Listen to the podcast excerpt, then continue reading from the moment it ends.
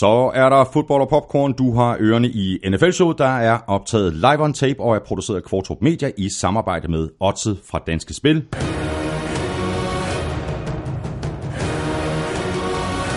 Og Tafel.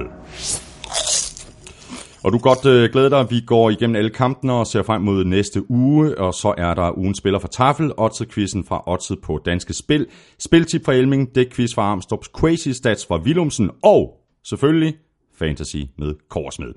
Du finder os de sædvanlige steder, og det er på nflshow.dk, på gulklud.dk, i SoundCloud, på Stitcher, på Spotify, i iTunes, og så i diverse podcast-apps til Android-telefoner.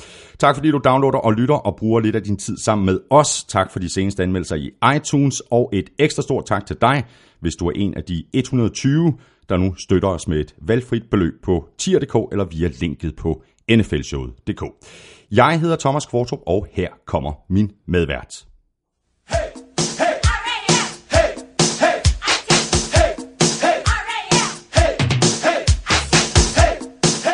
Ja, men altså, man kan jo lige så godt øh, bare selv pøse salt i solen. og få det overstået. Hjemmebane For. imod Rams For. og 49ers, det blev knust. Og vi sad der og så kampen sammen. Ydmyg. De blev ydmyg. Ja, til sidst blev endte det med at blive en ydmygelse. Jeg synes, de var, de var okay med til tider i starten, hvor, det ikke, hvor Rams ikke var sådan helt stukket af. Men det var bare et spørgsmål om tid, før de satte den i... Jeg ved ikke, om det var tredje eller fjerde gear, de Det satte er også bare et spørgsmål om tid, før vi skal til at synge med på det her. Bad Jackie and I'm starting this off. The Rams get down so nobody scoff. And don't you worry cause the Rams are rapping. When game time comes, we'll be back to Jackson. We can't sing and our dance is not pretty, but we'll do our best for the team and the city. So get on your feet and clap your hands. Let's ram it right now with the LA Rams. Hollywood handsome, Dodge City tough. If you throw it my way, it's gonna get rough. I like to ram it. Ja, vi har konstateret det tidligere, øh, Claus. Det her, det er så 80'er-agtigt. Men det kører også for, for Rams her i 2018. Det kan vi vel godt blive enige om. Velkommen tilbage til Los Angeles, ikke? Jo. Uh, de har, uh, altså, om ikke taget byen med storm, så i hvert fald fået en, en perfekt velkomst tilbage, ikke mindst under kyndig ledelse af head coach Sean McVay, som de synger her. Uh, we can't sing and our dance ain't pretty, men deres football play, Ja, du det er pretty. Det Ved er, det er sjovt at se på. Ja, det er det. Ved du, hvad der også er pretty? Kom så, er det, er, er, det, er det overlæg til chips? Det er det, er det ikke elegant. Du skal arbejde på dem der. Nej, nej, nej. Når det er sat med ringen. Nej, nej, nej, nej, nej. Den er god, den virker hver uge. Det er en god boost i, i dag. Endelig, Ja, der, ja, der, der er lidt mere i, i den sidste uge. vi lægger ud med klassikeren. Chili Chili. Benes. Endnu en football-klassiker. Move the sticks. Så har vi... Ej, linsechips. Vi er Jamen, tilbage. Det, er det er efter uge 7, ikke? Nu, altså, Ja, fordi det, ja. er, det er jo den fede sæson, ikke? Ja, præcis. Så ja, øh, jeg tror, det er tid nu til, at vi introducerer, Ja. genintroducerer præcis. linsechips. Dill og purløg. Havde vi dem sidste år også? Vi havde dill og buller. Jeg kan ikke huske, jeg, der er en variant mere. Okay. Kan jeg ja, huske, ja, men det er ikke sour cream and onion og sådan noget. Nå, kan ikke jeg Nå. Prøv at høre, nu stiller jeg lige den her, for jeg tænker, vi måske skal have linsechips i dag. Så har vi uh, American Ranch. Prøv, Prøv lige, at kigge, prøv lige kigge på mig. Jeg skal have Ja, ja linsechips. du, du, du får lidt chips resten af sæsonen. Nå, American Ranch. Og den sidste, en lille pose. Sådan der. Grilled chicken, we like it. Er vi ude i, at det er linsenchipsene, det, er, det er linsechips. Så. Oh, ja. Oh.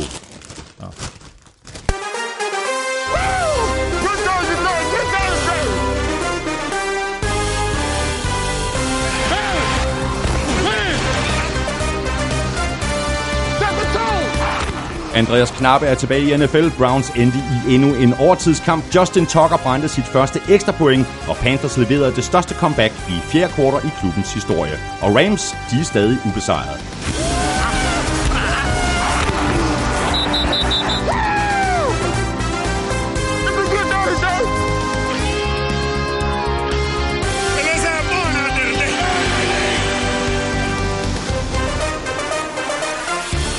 Uge 7 var pakket med spændende og tætte afgørelser, og uden for banen er det også spændende at følge med. Amari Cooper er blevet sendt til Cowboys, Carlos Hyde er rådet til Jaguars, og Eli er nu hos Saints, og det er altså Eli Apple. Jeg hedder Thomas Kvartrup, og med mig har jeg Claus Elming.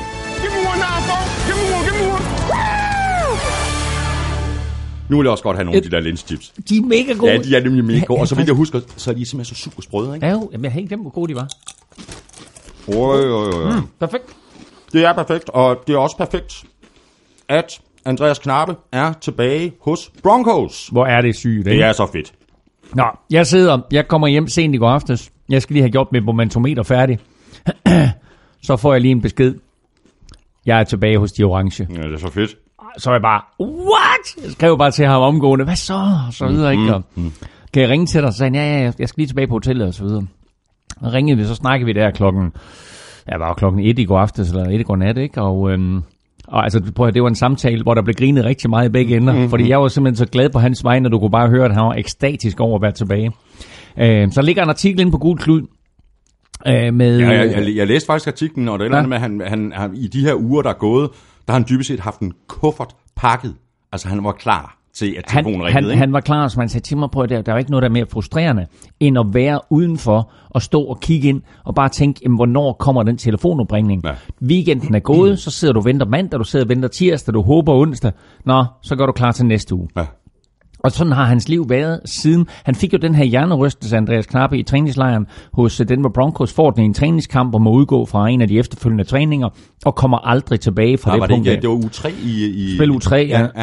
ja. øhm, og kommer aldrig tilbage. Og øh, så holdt Broncos en plads åben på deres practice squad, men den var de så nødt til at lukke og fylde med andre spillere. Og nu her sker der så det i den forgangne uge, at øh, Broncos guard Ron Leary bliver skadet. Så hiver de faktisk en spiller ind, øh, Broncos, fra Jets practice squad, som så gør, at den spiller, de hiver ind der, er en guard, og det gør, at en guard på deres egen practice squad bliver overflødig. Og så bliver der pludselig plads til, at en Rens Knappe som offensive tackle kan komme ind på deres practice squad. Og med det i mente, at der er, der er udfordringer på den offensive linje, så er der ikke super lang Nej, vej fra Andreas Knappe fra den practice squad og så til spilletid hos Denver Broncos. Han er tilbage. Det er simpelthen så fedt for ham. Og det er vildt, at han har holdt motivationen, fordi når du er der, og du gang på gang ligesom bliver skubbet ud, og du får at vide, nej, du er ikke god nok, så kan man på et eller andet tidspunkt godt miste motivationen. Men som han sagde til mig i går, der er der en gang imellem, hvor jeg er lidt nede i kulkælderen, men så har jeg gode venner eller træningskammerater, der lige giver mig et spark i røven, Ja. og så kommer jeg tilbage. Og det er der, han er, og de spark i røven har altså sendt ham hele vejen til Denver nu. Så Andreas Knappe er på Denver Broncos practice squad nu, og det er rigtig, rigtig fint for ham. Det er fan Ah. Fantastic. Lad os så tale lidt uh, trades, uh, Elming, der er gang i den, selvom der faktisk er over en uge til uh, trade deadline. Uh, vi begynder med Amari Cooper, uh, som John Gruden har sendt til Cowboys for et første rundevalg. Spørgsmål, øh, spørgsmål her fra Markus Sletten. Nu har I været efter John Gruden, og med rette, i den her sæson, men det er vel ikke helt skidt at få et øh, første runde draft pick tilbage for en receiver, som ifølge NFL-showet har sten som hænder. Godt trade eller dårligt, det er da et helt igennem fantastisk trade for, for, for Raiders og for John Gruden. Øh, jeg synes faktisk, at det er en god trade for alle. Ja, man kan godt argumentere for, at Cowboys de betaler for meget for Amari Cooper, men de får en, øh, en top receiver ind, fordi uanset hvordan man vender og drejer det, så er Amari Cooper en top receiver.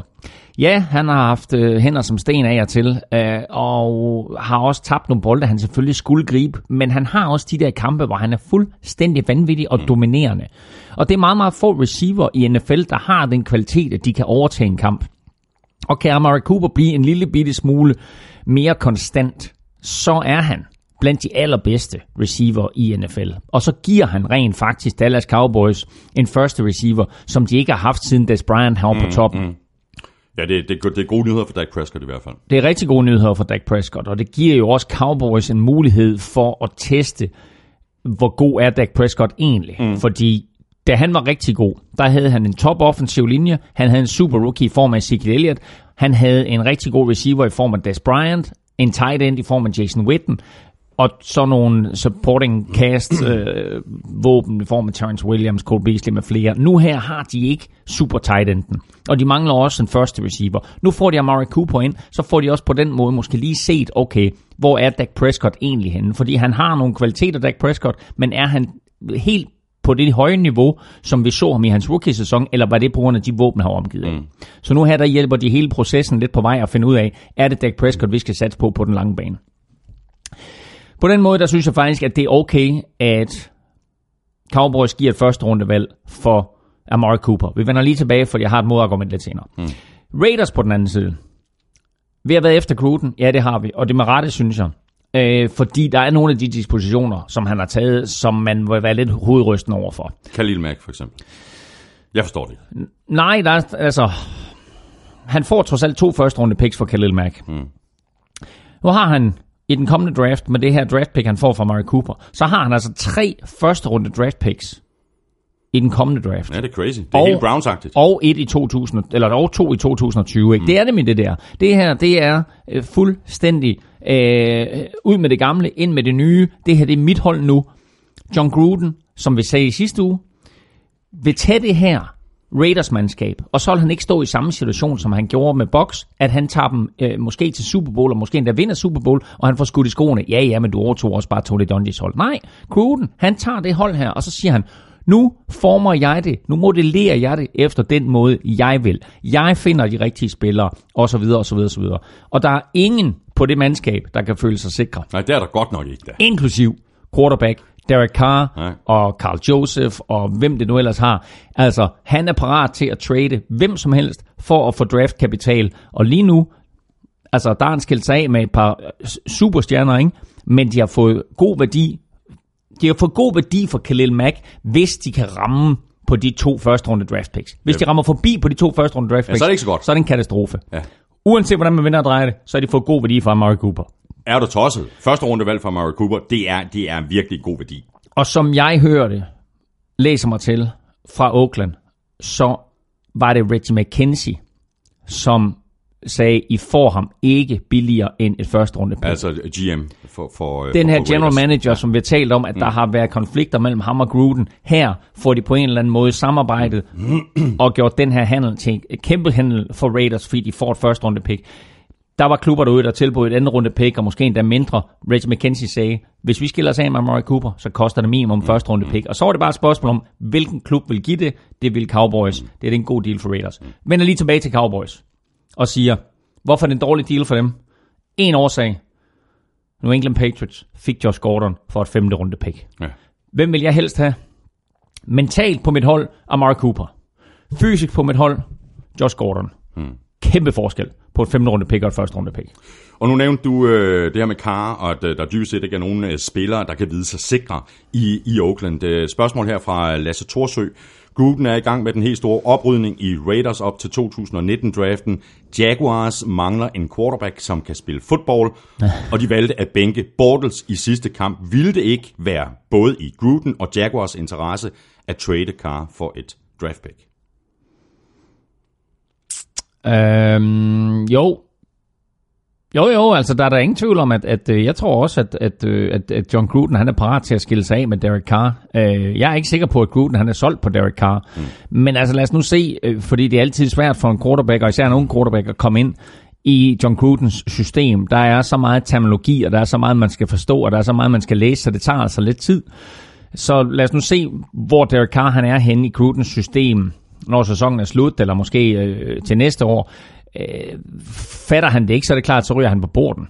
Og så kan man sige, altså hvis Gruden han virkelig er i gang med at, at bygge et fuldstændig nyt Las Vegas Raiders mandskab op, mm-hmm. så vil det da også være en idé at lige ringe til, til, øh, til uh, Jacksonville og så sige, hey... Jeres forsvar er fedt, men uh, ja. hvad med... Hvad med quarterback? Ja, ja, var det noget? Så jeg synes, det er et godt forslag. Mm. Sylvester B. Bjarnø øh, skriver sådan her, hvad vil det betyde for Raiders, når de flytter fra Oakland og deres fans, som er i top 3 over fans i NFL, og tror I, der kommer et nyt hold i, øh, i Oakland?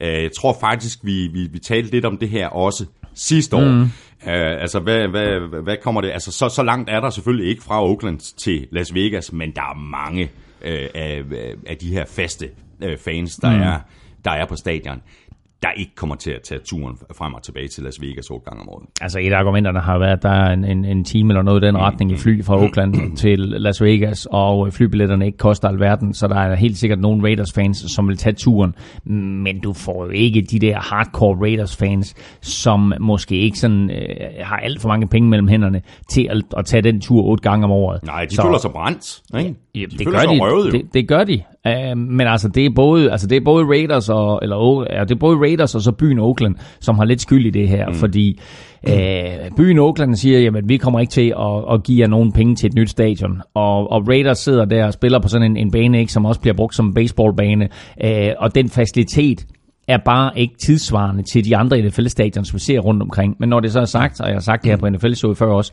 jeg har været på det stadion i Oakland, og den stemning, der er, mm. den aura, der er, øh, den øh, følelse af, at du træder ind i noget fra, fra fordoms stortid, det er... Det, Ja, du kan, det, mærke, du kan mærke historien, det, ikke? du kan mærke historien, det, og det er på en eller anden måde vidunderligt.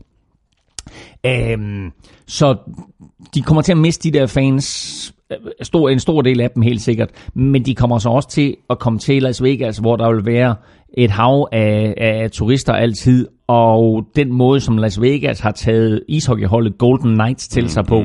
Hvis Raiders kan skabe bare en lille bitte smule succes derude, så bliver det endnu større end, end Golden Knights. Men Golden Knights har faktisk fået godt fat. De kommer i, i finalen i deres allerførste mm. øh, spilår, så, så en virkelig god start for dem. Det gør Raiders nok næppe, selvom det er det, det John Gruden han sigter efter. Det er, at de er slagkraftige, når de flytter i 2020. Kommer der et nyt hold i Oakland? Nej, det tror jeg ikke, men her er noget, man lige skal betragte. Nu ryger Oakland til Las Vegas, og San Francisco 49ers Ja, i Santa Clara. er i Santa Clara, og det er altså to timers transport med, med offentlig transport væk fra San Francisco. Så du har hele The Bay Area, hele San Francisco-området, som inkluderer Oakland, hvor der ikke er noget fodboldhold. Og det er altså et område med en 2,5-3 millioner indbyggere, og øh, masser, ved vi, store tech-virksomheder osv. Ikke? De fleste af de der tech-virksomheder ligger så godt nok nede i omkring Santa Barbara-området, hvor, hvor, øh, eller Santa Clara-området, hvor Fort Niners holder til. Men hele Bay-området i centrum af San Francisco har ikke noget fodboldhold, når Las Vegas, eller når Las Vegas overtager Oakland Raiders.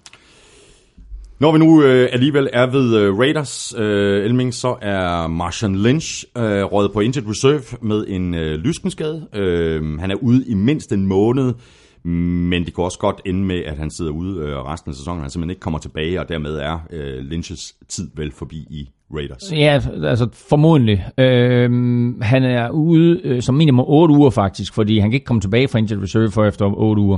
Så det kan godt være, at han kun er skadet i en måned, men nu har de lukket ham ned, og det har de, fordi når du sætter en mand på injured reserve, så har du mulighed for at hive en ekstra spiller ind øh, i den her 53-mands trup.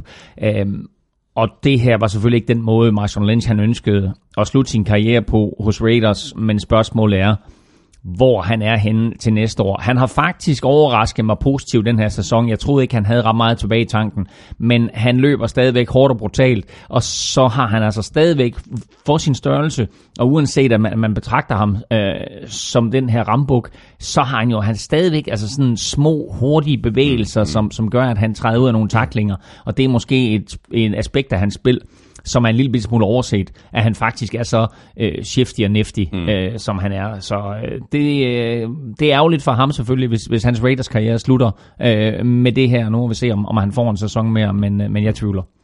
Endnu et uh, trade. Carlos Hyde er blevet traded fra Browns til Jaguars for et femte rundevalg. Det synes jeg så til gengæld er meget billigt. Ja, det synes jeg også. Øh, men øh, Browns vil gerne af med ham og, og, og hans kontrakt, og øh, fik et femte rundevalg, så de hiver lidt ekstra draftkapital ind. Kunne de have fået mere for ham? Angiveligt ikke, fordi så har de nok tradet ham et andet sted hen. Mm. Så, så nu får de altså et femte runde pick, og så har de så forfremmet Nick Chubb øh, til at være første running back. Og øh, det gør ondt, ikke mindst på, på, på mit fantasy-hold jo hvor Carlos Hyde, han var jo han var en vigtig spiller jo. Nu bliver han sådan en backup til Leonard Fournette, når han kommer tilbage.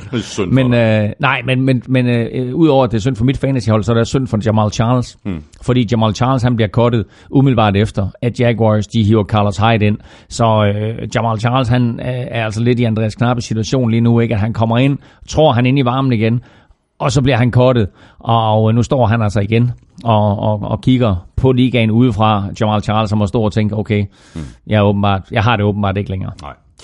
Og i går øh, landede så nyheden øh, om, at øh, Eli er blevet traded til øh, Saints fra Giants. øh, det kostede så Saints et øh, fjerde rundevalg øh, næste år, plus et øh, syvende rundevalg i øh, 2020. Og der var jo masser af memes og alt muligt på, på, på blandt andet Twitter i går om reaktioner om, at Eli var blevet øh, traded, og der var Giant, Giants-spillere, der så helt vildt glade ud, og så, nå, det er Apple, Eli Apple, der er blevet traded. det er sjovt, at man ikke engang set. Hold kæft, det er godt. Jo, der, der er blandt andet to billeder, to billeder af Odell Beckham Jr., hvor Odell Beckham han sidder og griner over hele femøren, og så på det næste billede, åh, det er Apple. Ja, det er sjovt. Nå, okay. Ja, men uh, Eli Apple forlader The Big Apple og uh, kommer til Saints, som uh, hvis forsvar ikke helt har det niveau, som de havde sidste år. Og uh, en af de ting, som, som alle hold har brug for, det er gode cornerbacks. Og Eli Apple, øh, selvom det måske ikke er, er, sådan er viderebragt i medierne som sådan, så tror jeg stadigvæk ikke, at alt det ballade, der var med ham sidste år, at det sådan er kommet helt ud af omklædningsrummet. Mm. Så her der får han en frisk start hos Saints, og øh, Giants de slipper af øh, med ham i, i, i omklædningsrummet og på træningsbanen og så videre. Mm. Så jeg tror, det er, det er sådan set fint for alle parter. Giants slipper af med ham, Saints får en cornerback, øh, Eli får en ny... Øh, Apple får, får en ny start. Så øh, en, øh, en, en, en, en solid trade for alle parter. Og en øh, spiller, der leder efter en ny start, det er øh, cornerback øh, Patrick Peterson. Han siger, at han vil væk fra Cardinals. Det kan kun gå for langsomt. Øh, Cardinals siger så, at de ikke har nogen planer om at trade øh, Patrick Peterson. Mm. Det er det, man kalder Barry Sanders-syndromet. Fordi øh, her der har du en spiller, som er blandt de aller, allerbedste i NFL. Måske faktisk den bedste på sin position men ikke helt får den anerkendelse, han fortjener, fordi han spiller for et elendigt hold, og har spillet for et elendigt hold hele sin karriere, var lige i en enkelt Super Bowl, og havde måske lige, lige et par enkelte år, hvor Cardinals de var konkurrencedygtige. Mm. Men ellers så har han gået, eller levet derude i ørkenen, øh, og har gjort sit job øh, og bedre end de fleste i NFL, mm. og i en længere periode end de fleste i NFL. Og det er ikke sådan, at han ligger og trash-talker som øh, Jalen Ramsey og får fortalt hele verden, hvor god han er. Nej, han viser det på banen mm. søndag efter søndag efter søndag, hvor han bare lukker ned for NFL's allerbedste receiver. Så nu er Patrick Peterson blevet træt af at løbe rundt ud i ørkenen og vide, at jamen, vi taber nok igen på søndag, men okay, jeg får da min løn. Her han er en spiller, der i sin karrieres efterår, men stadigvæk er super solid, og jeg var på mit, mit kvartvejshold og bliver betragtet af rigtig, rigtig mange som top 1, 2, 3 stykker på cornerback. Mm. Nu vil han til en klub, hvor han har en chance for at komme i playoffs, komme langt i playoffs, komme til Super Bowl mm. igen, og så måske vinde den. Tror du på, at øh, Cardinals ikke vil slippe ham? Det er vel bare et spørgsmål om prisen, ikke? Ja, vi finder ud af, at der er 14 dage til ja. NFL's trade, trade deadline, den stopper. Så øhm, det er der ikke engang 31. oktober hedder NFL's trade deadline. Og øh, hvis prisen er høj nok, så slipper de ham. Mm. Øh, men nu er der i hvert fald øh, lagt en øh, føler ud til alle klubber via ham selv og hans agent og så videre. Men det er jo en usædvanlig situation. Det der med, at en spiller siger, nu er jeg væk. Ikke? Altså, det, det, det, det kan ikke skabe gode forhold til hverken ledelse, holdkammerater eller noget som helst andet. Men, øh, men altså, jeg forstår ham. Selvfølgelig forstår jeg ham. Mm. Til gengæld, øh, så har Cardinals øh, fyret deres offensive koordinator, Mike McCoy. Øh, nu fik det altså øh, konsekvens for en person i hvert fald, at øh, det ikke har fungeret øh, på banen mm. for Arizona Cardinals. Cardinals åbnede spillerunde 7 torsdag nat imod Denver Broncos, og der var to trænerjob i fare. Det var head coach Van Josephs head, head coach job for Denver Broncos, og så var det McCoys offensive coordinator job hos øh, Arizona Cardinals. Og endnu en gang viste Arizona Cardinals angreb sig meget, meget pobert, meget, meget ineffektivt, meget, meget kedeligt. Og umiddelbart efter, så øh, sagde, øh, sagde Steve Wilkes, øh, i, altså head coach for, for Cardinals, øh, så sagde han, ja, men altså, vi tager ikke nogen øh, overildede beslutninger. Øh, der, er ikke, altså, der er ikke lagt op øh, til noget. Nu vurderer vi lige situationen. 24 timer senere, ja. der var McCoy fyret. Mm. McCoy fik syv kampe i år. Det er tre mindre, end han fik sidste år for Denver Broncos. Så i stil med Jamal Charles, der står og kigger, inden, eller kigger på ligaen udefra, så må vi se, hvor Mike McCoy han ender henne, fordi øh, han er altså tidligere head coach for San Diego Chargers blev offensiv koordinator for Denver Broncos, bliver fyret efter 10 kampe sæsonen sidste år, bliver fyret nu her efter 7 kampe i år. Det lader ikke til, at han har det der længere, Nej. som han havde engang. Så hvis han skal tilbage ind i NFL, så bliver det nok på et lavere niveau. Jeg tvivler på, at han kommer ind i en koordinatorrolle. Nu taler vi lige om øh, Patrick Peterson og hans ønske, øh, hans, hans højlytte ønske om at, at slippe væk fra, fra, fra Cardinals. Der er også øh, lidt rod et, et andet sted. Øh, det var en til Parkers agent skælder ud på øh, Adam Gase, som han kalder for inkompetent. Øh, Parker har været skadet øh, og har siddet uden i, i flere kamper, men Parkers øh, agent mente i sidste weekend, at Parker burde være startet. Øh, lurer der et lille trade her, måske? Øh, Ja, og det gør der, fordi øh, Parker også godt kan se, at hans spilletid er blevet minimeret, og nogle af de spillere, som han har mistet spilletid til, de har præsteret på et, et, et, et vanvittigt højt niveau, og har leveret nogle helt øh, fuldstændig sindssygt fede spil. Altså Albert Wilson, øh, Akeem Grant øh, og øh, Kenny Stills har alle sammen øh, leveret store spil. Mm. Og nu sker der så det i weekenden, at Albert Wilson bliver skadet. Og det tror jeg faktisk er lidt uheldigt for Davante Parkers håb om, at han skal trades, fordi med, altså, med Albert Wilsons skade, så bliver der plads og behov for Dolphins til at benytte sig af, af, af Davante Parker. Så nu tror jeg faktisk ikke, at han bliver traded, men altså, han er jo meget, meget utilfreds. Ja. Og hvor Patrick Peterson, han sådan på en eller anden måde får fortalt, jeg kunne godt tænke mig en trade, og man, man lidt føler med Patrick Peterson, ja, det kan vi egentlig godt forstå så er der ikke nogen, der føler med Devante Parker. Nej, så får han ordentligt købet sin agent til det, at sige det. Det er bare sådan en, en, en, en lille dreng, der er utilfreds med, at han ikke, blev, øh, at han ikke kom på førsteholdet. Ikke? Mm. Så øh, han, øh, han vil gerne væk, og han vil gerne have chancen et andet sted, og det kan man da også godt forstå. Altså, når du er der, og, og du ved, at du har en, en kort NFL-karriere, så er det klart, så vil du da gerne spille, og du vil da gerne starte. Det er der ikke nogen tvivl om. Men hvor er Devante Parker god nok til at starte? Han er ikke i Dolphins i hvert fald. Mm. Og så til en øh, tilbagevend øh, lille historie. Øh, stadigvæk ikke nogen Livian Bell i Pittsburgh. Jeg er en lille bitte smule overrasket. Jeg havde hørt, og det var det, de fleste havde meldt ud fra Pittsburgh, at det var Le'Veon Bells plan, at når Pittsburgh Steelers de, øh, fik deres fri uge, at så ville Le'Veon Bell komme tilbage, og så var han klar til at løbe på banen i kampen efter friugen. Steelers har stadigvæk ikke kørt fra ham. Og nu forlyder det, at han skal spille seks sæsoner, øh, for at han ikke mister sin ancienitet i ligaen. Mm.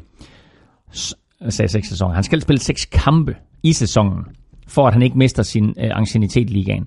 Så han kommer tilbage øh, allersenest i øh, spil u 12, 12, 13, 14, 15, 16, 17. Kommer tilbage allersenest i spil u 12. Øh, og der er nogen, der siger, at han kommer tilbage i spil u 10 jeg tror ikke, vi får at se for at spille U12. Nu har han, nu har han ikke meldt sig under fanerne, så øh, nu tror jeg ikke, at nu, nu tror jeg, at han, han trækker linjen så langt, som han kan, og så spiller han seks kampe i år for Steelers. Så er vi noget øh, i, øh, i, i Cleveland. Øh, Hugh Jackson han sagde noget på øh, preskonferencen efter, at uh, Browns de tabte til Box. Uh, hvilket sådan lidt blev udlagt som om, at uh, Todd Haley's job som offensiv koordinator uh, kunne være i fare. Uh, Jackson uh, sagde noget i stil med, at han gerne ville involveres mere i det offensive, og som Anders Erbo Hansen, en af vores gode lyttere, uh, videre tweetede et tweet, som jeg så ikke lige kan finde. Men uh, det, det gik på det her tweet, at, uh, at ham der, der tabte 16 kampe, sidste år er mm. i fuld gang med sådan ligesom at skubbe ansvaret fra sig, og altså over på Todd Haley for eksempel, for at angrebet ikke uh, fungerer ordentligt. Og, og jeg kunne være løsningen, hvis jeg bare blev involveret mere, så skal I bare se løjer. Hvis du så Hard Knocks her over sommeren, hvor man fulgte Browns, så så du Hugh Jacksons kontor. Og der var sådan en kæmpe, kæmpe skrivebord. Men hvad du ikke så, det var, at på den anden side skrivebord, der er der en håndvask, der er endnu større. og der står Hugh Jackson. Hver dag. der, står Hugh Jackson og vasker hænder i øjeblikket. Fordi det er jo helt sygt, som det er ansvarsfralæggelse, og det er bare at sige... Er at, at, men når man så også så Hard Knocks, så synes jeg faktisk også, at man blev skuffet over Hugh Jackson. Jeg synes ikke, at han udviste de kvaliteter, Ej, som jeg gerne vil have i en head coach. Og øh, han sad og sagde nogle ting, hvor du bare kunne se, at hans, hans, øh, træners, svag, han, hans trænerstab, de kiggede sådan lidt på hinanden og sagde, hvad, altså, hvad fanden sker der her? Ja, han blev øhm, Ja. Og altså man må sige, øh, altså han har i, i, i Greg Williams og i Todd Haley, der har han altså to koordinatorer, som har head coach potential. Ja. Og det, det er ham, der sådan ligger og styrer tropperne. Selvfølgelig er det svært, og man selvfølgelig har man sin egen stil som head coach. Mm. Men umiddelbart var jeg ikke imponeret over det, man så fra Hugh Jackson. Nej. Så i min optik, der er Hugh Jackson dead man walking i Cleveland. Og øh, nu har de så altså, gjort det fornuftigt i år, at være fire overtidskampe og sådan noget, og trods alt holdt de fleste af de kampe, de har spillet tæt. Men øh, jeg er overbevist om, at det her det er Hugh Jacksons sidste sæson i Cleveland. Det er sjovt. Jeg var overbevist sidste år, men ja. Øh, ja. Vi må se, hvordan, øh, hvordan det går, om han, øh, om han ryger, eller om han øh, får et, et, et år mere. Så kan vi lige runde lidt øh, skader. Øh, Buccaneers linebacker Quan Alexander er ude resten af sæsonen. Han rev det forreste korsbånd i knæet over i kampen mod Browns. Øh, og Alexander står i øvrigt uden kontrakt efter sæsonen, så det er rigtig, det er dobbelt skidt timing for ham. Ikke? Det er så synd for ham. Um, en, en spiller, som har gjort det rigtig godt hele vejen igennem sin NFL-karriere, og er i sit kontraktår, og, og godt på vej til at score sig den store kontrakt. den første kontrakt for de her spillere er jo som regel for de fleste vedkommende en, en ret lille kontrakt sammenlignet med den, de scorer, hvis de får sig anden kontrakt. Der er et hav af spillere, der aldrig får den anden kontrakt i NFL. Der er også et hav af spillere, der aldrig færdiggør deres første kontrakt. Men er du blandt de her spillere, som formår at holde dig skadesfri og beviser, at du hører til i ligaen, så den anden kontrakt, du får, er som regel den, der gør, at du får en, en, en god og solid pension. Det er det en katastrofe for Corner Alexander. Spiller godt, står på tærsken til at få den her kontrakt. Nu lykkes det ikke. Han skal nok komme tilbage, og han skal nok få sin kontrakt, og han skal nok øh, komme til at spille i NFL igen. Men hans anden kontrakt bliver ikke til nærmest den størrelsesorden, nej. som den har været, hvis han har fuldført den her sæson. Og så talte vi lige øh, for, for kort tid siden, da vi talte øh, Dolphins øh, om øh, Albert Wilson, der kan være ude øh, faktisk resten af sæsonen, øh, skadet i hoften øh, i, i kampen mod Lions. Øh, og altså, Dolphins er, er hårdt ramt, ikke? Dolphins er overdramt hele vejen rundt. Altså der, deres quarterback er ude, Ryan Tannehill, så de må, de må starte the, the, the, the, the Brocket Launcher. Brock Osweiler. Uh, Kenny Stills er ude den kommende weekend også. Ja, altså det, det er også et hårdt slag. Um, der ved vi, at der er dansk Andreas Olesen, der kommer han på hårdt arbejde, for det er hans opgave for ham på plads igen. uh, men altså han er ude. Uh, Kenny Stills, Albert, Albert Wilson, som du siger, er ude. Så jo, de er hårdt ramt. Uh, Dolphins, når vi kommer til mine spiltips, så vil jeg sige, at Dolphins er urimeligt øh, store underdogs i, i, i den kommende spilleweekend, og nok også for store, men altså det er selvfølgelig på baggrund af alle de her skader. Nu siger du uh, spiltip, uh, Claus. Der er kommet en, uh, en mail her fra Christian Norbæk, uh, der skriver sådan her, ros lige Claus for den her, og send en pose taffeltips til Justin Tucker. Uh, og så tror jeg faktisk, det er direkte citat fra sidste uges udsendelse, det her. Nej, jeg tror det er fra, uh, er det ikke fra min spilartikel? Nej, det er fra spilartiklen. Ja, ja. Nå, men okay, men anyway, for jeg tror faktisk, ja. var, var det ikke dit bedste bet også i, jo, jo, i sidste uges jo, det var så. Gentager de den bedrift, så vinder Saints ikke. Men jeg tror ikke, at det går helt så slemt, og faktisk er jeg ret overbevist om, at Saints er et væsentligt stærkere mandskab end Ravens. Saints smider mindst 24 point på tavlen, og det er jeg ikke sikker på, at Joe Flacco kan matche. Der er odds 2-15 for en sejr til Breeze Company, og det er ugens bedste bet, 24 point på tavlen, det er meget godt ramt. Det, det var det, jeg sagde. Og, og det kunne Flacco ikke matche. Eller var det Justin Tucker, der ikke kunne matche var det, var det Justin Tuckers mistede, mistede ekstra point. ja. Men, øh, ja, ja. Men, men det var, altså, jeg var, jeg var rimelig heldig i sidste uge med min, øh, med Ej, min det er ikke held, man skal, man, man, man, man skal give heldet en chance, ikke? Er det ikke, Præcis. Er det ikke, og, jamen, jeg tror, jeg ramte faktisk mere eller mindre på alt i sidste uge. Så. Ja, det er skræmmende. Ja, det er skræmmende. Ja, det er bare med at, at, at spidse ører. Ja. Der kommer flere gode øh, spilforslag i, i den her udsendelse. Øh, nu nævner vi lige øh, Justin Tucker, øh, kicker, brænder sit øh, første ekstra point nogensinde til en anden kicker, Coles kicker, Adam Vinatieri. Han har problemer med en øh, lyskenskade, øh, der kan holde ham ude i den kommende kamp mod Raiders, måske længere.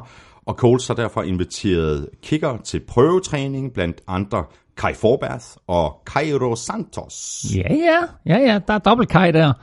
Uh, det, er jo, det er jo interessant, hvad der sker her. Altså, hvor slemt er det med Adam Vinatieri? Han brænder to ekstra point. Og han mangler i, fem. I weekenden. Han, han laver, fem, han, han, han laver fem, fem point i alt. Han mangler fem point i overhal Morten Andersens rekord på 2.544 point. Og jeg siger ikke, at, at Morten Andersen han sidder derhjemme og klapper i hænderne. Men et eller andet sted, der skal du ikke bilde mig ind, at han ikke sidder og håber på, at den her skade, den er bare en lille bitte smule mere alvorlig end først antaget. Nej, nej, nej, Vinatieri, han kommer sgu ikke tilbage. Nej, nej, det går, det går ikke det der. Du, det, han, det, han, han, er færdig for, han, ja, han døjer med hoften, han er færdig for sæsonen. Så, øhm, nej, han skal nok komme tilbage. Øh, ja, ja, det, det, det, tror jeg også. Det tror jeg også, men altså, ved, uh, Coles, Coles har før uh, meldt ud, at uh, en eller anden spiller kom tilbage, oh, og, så, og, ja. så, og så gik der to år, inden han gjorde. ja. Simon Mathisen, han er meget bekendt ikke blevet inviteret til Indianapolis for at, øh, at, at prøve sparke. Øh, til gengæld så har han fået et nyt job et helt andet sted. Simon Mathisen, han sparker hver søndag aften på de største NFL-stadions overhovedet. Fordi Simon Mathisen, han er blevet ansat af det danske firma Trackman. Og alle, der spiller golf, har hørt om Trackman, og Trackman eksisterer også i andre sportssammenhæng, men kort fortalt er Trackman et system, hvor du via nogle forskellige kameraer og radarer kan se en kan se flugten på en bold, øh, regne ud øh, hvor hurtigt er en, en bold slået eller sparket, mm. hvor mange gange roterer den, etc. etc. etc. Der er rigtig rigtig mange data man kan få ud af det her Trackman system. Og Trackman har fået gennembrud på det amerikanske marked via baseball, og nu her øh, håber de så på også at få et gennembrud i amerikansk fodbold, og det starter med NFL, hvor de hver Sunday night i øh, samarbejde med NBC viser nogle stats på skærmen, som man ikke har set før. For eksempel en statistik, der hedder, hvor lang kunne det her field goal være blevet sparket ind udefra. Så når, når vi sidder og schusser os frem til, uh, ja, den kunne have været god fra 64, den der, så kan Trackman rent faktisk fortælle dig, den kunne have været god fra 63,74235. Så det her system har NBC nu taget til sig, og Simon er danskeren, som rejser rundt for Trackman og afprøver systemet. Hver evig eneste søndag, går ned på banen, står lige og hamrer et par field goals ind, sørger selvfølgelig lige for, at special teams træneren er på banen, så han, lige, se, så han lige ser, who the hell is that? Ham der trackman, han er faktisk ja, også meget god til præcis. at, at sparke til bolden. Ja, så, så øh, Simon han, øh, han øh, har altså fået det her job her, og øh, jeg har været i løbende dialog med Simon. Jeg har faktisk kendt, kendt til det her job for Simon i rigtig, rigtig lang tid, men man måtte ikke sige noget, øh, fordi det, det, var, det var tophemmeligt og så videre. Men altså nu er det, nu er det helt officielt. Og øh, hver eneste søndag, når man sidder og ser øh, NBC-kampene, så vil man se de her stats, der kommer frem, øh, fra, øh, som, som er genereret af Trackman. Og så er håbet selvfølgelig, at Trackman bliver så populært, så kicker ikke kun i NFL, men college-niveau og high school-niveau, mm, mm, mm. et cetera, et cetera, kan begynde at benytte det her system, og så Trackman på det den er, måde. Det er da sejt job. Men han satser stadigvæk på at komme i NFL og sparke, sparke Simon, fodbold, vil stadigvæk, Simon vil stadigvæk gerne sparke rigtigt, ja. hvor han har en hjelm på hovedet, mm. og hvor han ikke bare står og afprøver sit Trackman-system. Så det er ikke helt for sjov, når jeg siger det her med, at, at han lige sørger for, at special teams-træneren øh, ser ham. Jeg tror gerne, han gøre opmærksom på sig selv, fordi nu har han haft ikke haft held med at få en agent til at gøre opmærksom på sig selv, som, så han, han, selv gør som han selv gør det. Ja. Du sendte mig et uh, link forleden om, at uh, Wembley alligevel ikke bliver solgt til Shahid Khan. Han ja. havde jo lavet slagt et uh, rimelig stort uh, bud ind. Jaguars ejer Shahid Khan vil gerne købe en andel af Wembley på, øh, for, for 600 millioner øh, pund, tror jeg det var. Han kunne ikke få lov til at købe det hele, fordi det øh, britiske fodboldforbund ejer en del af Wembley. Men han kunne godt få lov til at købe øh, en, en stor del af Wembley, og så have en anden del, og, og, og prøve på at optimere hele den måde, Wembley fungerer på. Og de her 600 millioner pund skulle så have været fordelt øh, ud til andre fodboldtiltag øh, i England. Mm. Og øh, det er sådan omkring hvad, en 5 milliarder kroner til et eller andet, så man kunne nok godt have brugt 5 milliarder kroner til at, at, at forbedre fodboldforhold og, og, og, og skabe nogle gode rammer for unge fodboldspillere, etc. etc. rundt omkring i England. Men øh, FA, Wembley og Shahid Khan kunne altså ikke blive enige, så derfor så har øh, Shahid Khan nu droppet sine planer om at investere i Wembley. Mm. Og Chargers, de spillede jo, spillede jo på Wembley i sidste weekend, og spørgsmålet er, om øh, der var flere Chargers-fans til stede der, end der er i øh, Los Angeles. Øh, det er vi mange, der er i tvivl om, at nu er NFL øh, ejerne af de 32 hold, de er også kommet lidt i tvivl om, om det her projekt med Chargers i LA, om det overhovedet er nogen god idé, om øh, det kan komme til at fungere både sportsligt, men ikke mindst øh, økonomisk. Det er noget, de skal tale om i, i den her uge, når de mødes. Og det er øh, en meget, meget prekær situation for NFL. Jeg skriver i mit momentometer i den her uge, der skriver jeg, antal tilskuere i gennemsnit på hjemmebane i Los Angeles, 25.370. Tilskuere på hjemmebane i London, 84.301. Så de har et stadion i Los Angeles, Stop-Hop øh, Field, som har plads til i NFL-sammenhæng omkring 33-34.000 tilskuere. Det kan de ikke fylde ud. De har 25.000 tilskuere. På trods af, at det går dem rigtig, rigtig godt. På trods af, at de rent faktisk har et mandskab nu her, og en Philip Rivers i topform, der, der giver dem forhåbninger om playoffs, og mm, den noget mm, mere. Mm. De har ikke formået at komme til Los Angeles og erobre Los Angeles-markedet. På trods af, at der foran deres stadion står Fight for LA, så må man sige lige nu, både på banen og også uden for banen, så er det Los Angeles Rams, der har indtaget Los Angeles og styrer begivenhederne i USA's øh, næststørste by.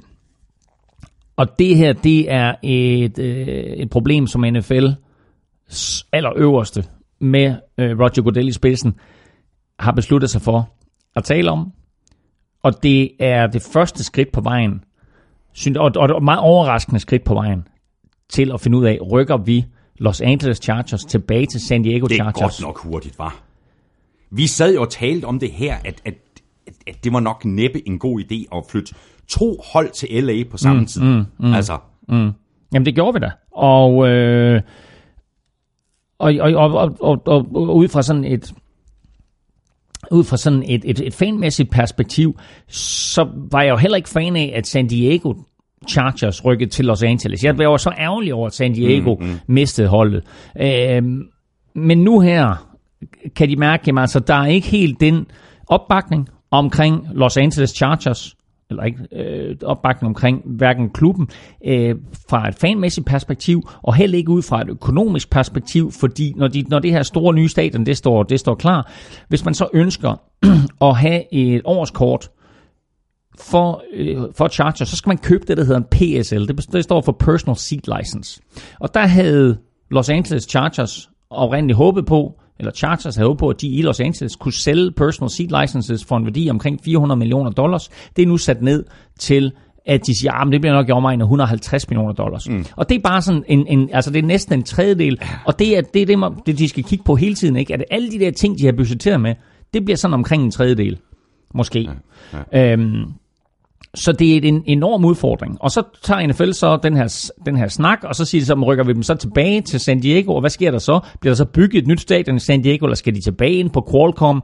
Synes San Diego overhovedet, det er fedt, de kommer tilbage? Synes San Diegos fans, mm. at det er fedt, eller føler de sig trådt på, et et et cetera, cetera. Så det her, det er en enorm prekær situation, som NFL helst ikke vil have ud, tror jeg og, og helst bare sådan, du ved, glide, glide sådan stille og roligt hen og sige, og så snakker vi jo også om det der med, med, San, mm, med San Diego, mm, Los Angeles. Mm, Men det, det er en situation, som der er rigtig, rigtig mange, der holder øje med. Ja, det er der, og, øh, og, og nu, nu nævner du tallet for, hvor, hvor mange de kan samle på, på, på deres hjemmebane. Og sandheden er jo, at, at, at, at publikum, de er jo ofte i mindretal. Altså, de har det, det, det, det er ikke engang deres egen fans, mm. der er i overtal. Nej. Altså, jeg tror, det er skrækkeligt, ikke? Jamen, jeg tror, jeg nævnte, at uh, Thomas Enevoldsen, dansk fodboldspiller fra altså tidligere OB, der spiller i, i, uh, i Los Angeles nu, at han var inde og se Chargers mod Chiefs, og han sendte et snap til mig, hmm. hvor hele den ene langside var rød, altså som et Chiefs rød. Hmm. Det var alle Chiefs-fans, og sådan er det med Los Angeles. Altså, der er jo masser af tilskuere, der er masser af, af folk, der kommer fra alle mulige andre steder i USA, ja, ja. og når så deres hjemmehold kommer på besøg, ja. så, så, de, så, så, så tager de ud og ser dem, ikke? Det er klart. Så kan vi lige øh, runde den her del af med at fortælle, at uh, Rihanna ikke vil optræde i pausen ved Super Bowl, og, øh, og det vil hun simpelthen ikke, fordi hun støtter uh, Colin Kaepernick. Ja, altså, øh, og det er jo det er jo trods alt noget af en udmelding, fordi det er den absolut største scene, øh, nogle kunstnere kommer til at spille på, øh, og får, får tilbud om at spille på. Men hun har altså meldt ud, at hun øh, bakker op om Kaepernick og hans sag, og derfor ikke ønsker at optræde. Og det kommer selvfølgelig som endnu et slag i ansigtet på NFL. Og de har så bedt, øh, hvad hedder det, Maroon 5 om mm. at spille i stedet for. Mm. Du skal lige øh, hoste af, øh, Elming. Øh, du sendte mig faktisk, øh, da vi øh, kommunikerede øh, omkring det her, øh, der, der skrev du faktisk øh, til mig, at øh, Amy Schumer Øh, hun er også går ind i det her. Hun, hun vil simpelthen ikke lave, øh, hun vil ikke lave Super Bowl-reklamer. Ja, men altså hun er så blevet bedt om at lave en Super Bowl-reklame, og, og jeg har ingen anelse om, hvad, hvad, der er mønt i det for hende, men altså jeg kan da forestille mig, at det var mange millioner, hun oh, siger nej tak til. Ja, præcis. Så hun vil heller ikke øh, støtte op om det her projekt. Så altså, der sker nogle ting på den her Colin Kaepernick-front. Altså, det har taget dem et stykke tid, men altså nu efterhånden ikke, så begynder folk at være opmærksom øh, på de her ting, som, som Colin Kaepernick og Eric Reed med flere har, har gjort opmærksom på. Og folk kan godt se, at de har ret, øh, uanset om NFL vil eller ej.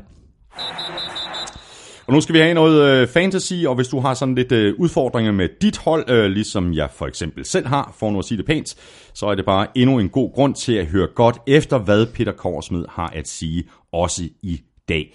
Peter, ordet er dit. Tak for det, Thomas. Øh, I en uge, hvor øh, København er kåret til verdens mest besøgsværdige by, er jeg taget til en sovende jysk kæmpe i form af den øh, midtjyske metropol Herborg, hvor man unægteligt føler sig temmelig forbigået af flødefyrene hos Lonely Planet. Og apropos urimelig behandling, så er der stadig syv uger inden i NFL-sæsonen spillere, som ikke fortjener at være på waveren. Hos San Francisco 49ers glider 2018-sæsonen formentlig hastigt i glemmebogen ligesom Lonely Planets skandaløse kåringer i øvrigt burde gøre. Med Jimmy G på lazarettet har øh, guldgraverne ikke haft ret meget grund til at juble. Men moderate følelsesudsving er noget, man forstår her i Herborg, og det betyder altså ikke nødvendigvis, at der ikke er fantasy point at hente. Raheem Mustard har de seneste to kampe været 49ers bedste running back. Han har fået chancen, fordi Matt Brader kæmper med skader og skulle sidstnævnte få en pause for at blive helt frisk igen, så er Mustard ganske enkelt en bedre running back end Alfred Morris. Mustard snitter over 6 yards på de 25 gange, han har fået bolden i sæsonen. Morris 3,5 yards per carry. Hold øje med Bredas skadesituation og have Mustard klar i garagen.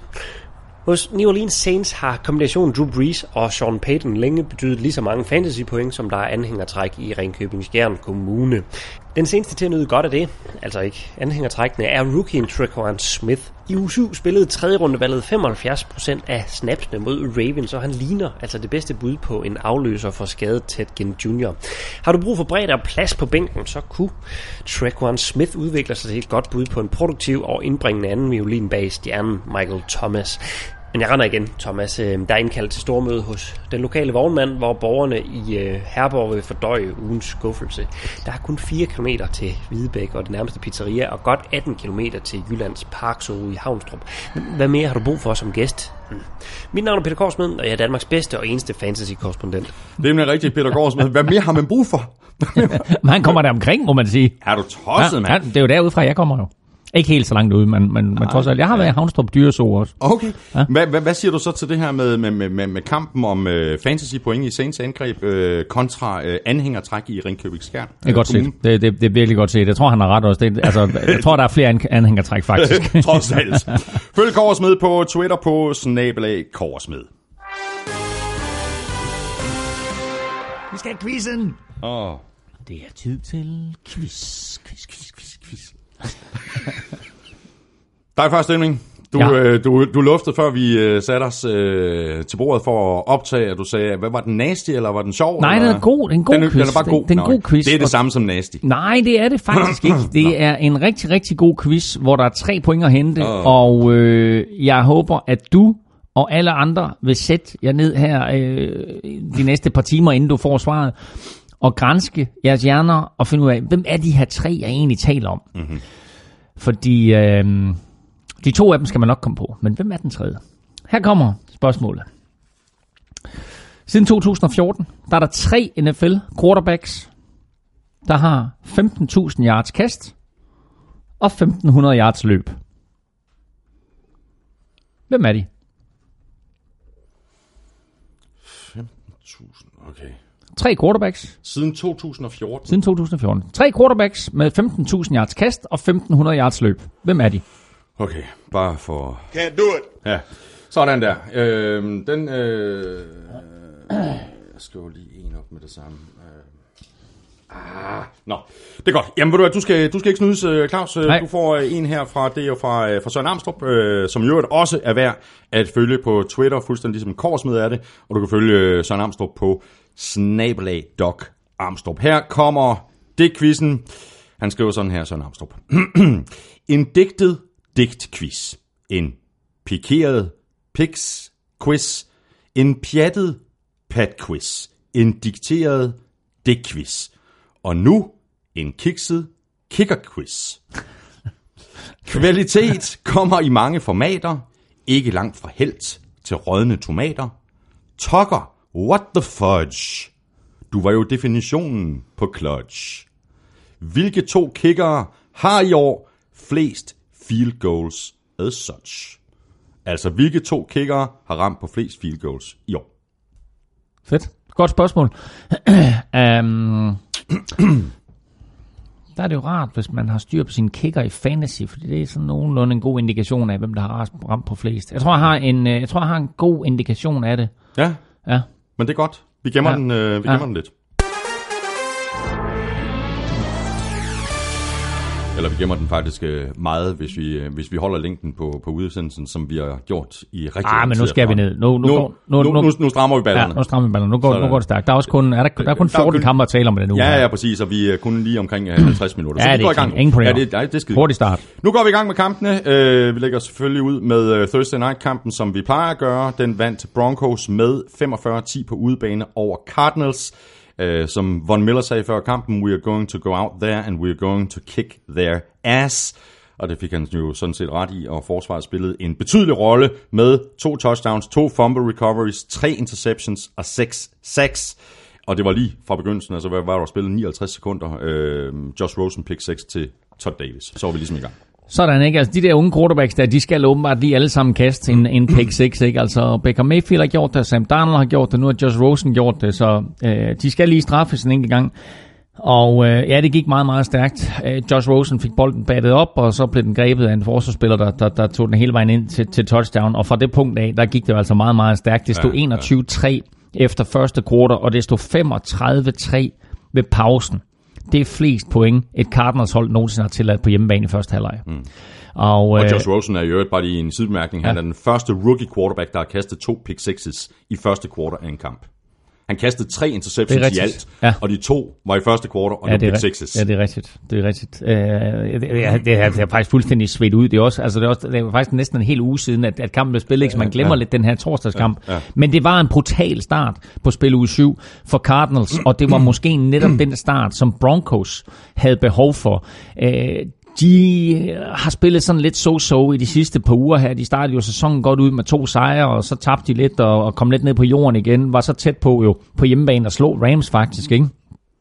Og, øh, og så øh, taber de den, og de taber yderligere og så videre, og har også øh, tabt et par kampe mod nogle modstandere, som man tænkte, nej, dem burde de jo slå. Mm, mm. Men det her, det var en kamp, hvor de møder en inferiør modstander, og de lammetæver dem præcis som Von Miller havde lovet, de ville gøre. Mm.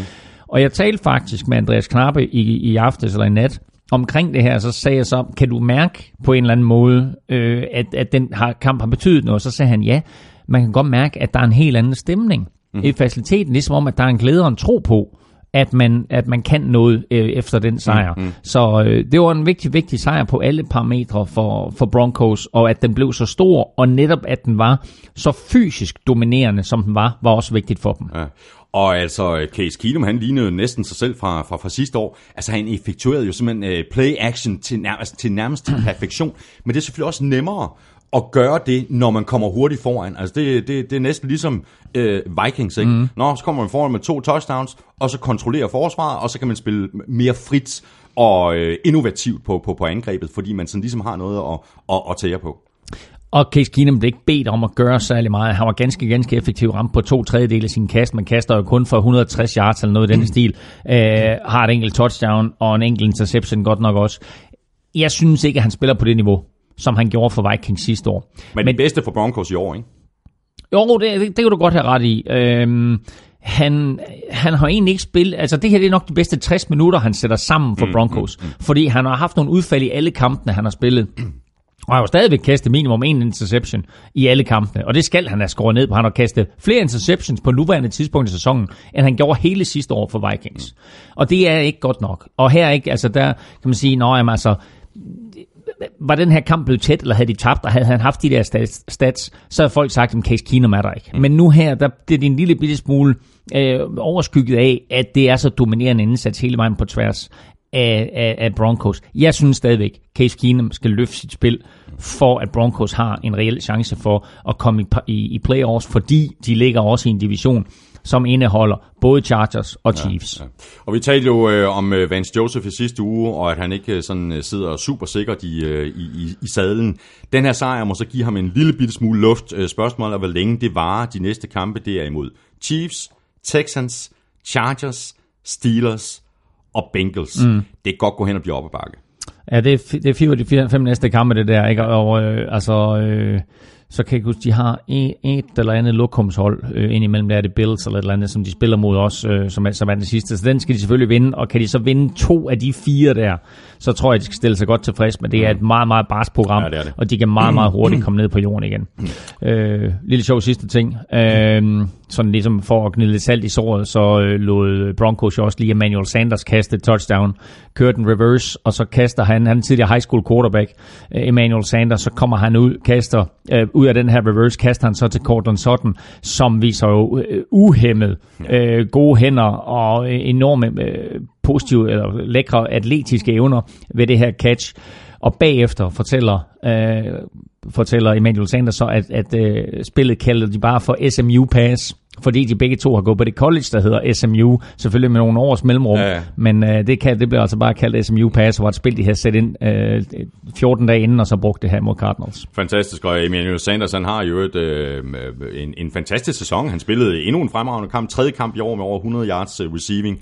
Uh, han havde en kamp med over 100 yards hele sidste år. Ja, men han, han, han gør det godt for mit fantasy-hold også. Han blev jo den 8. spiller i NFL's historie, som havde et receiving touchdown, et passing touchdown og over 100 yards receiving. Ved du, hvem den sidste var? Mm, nej.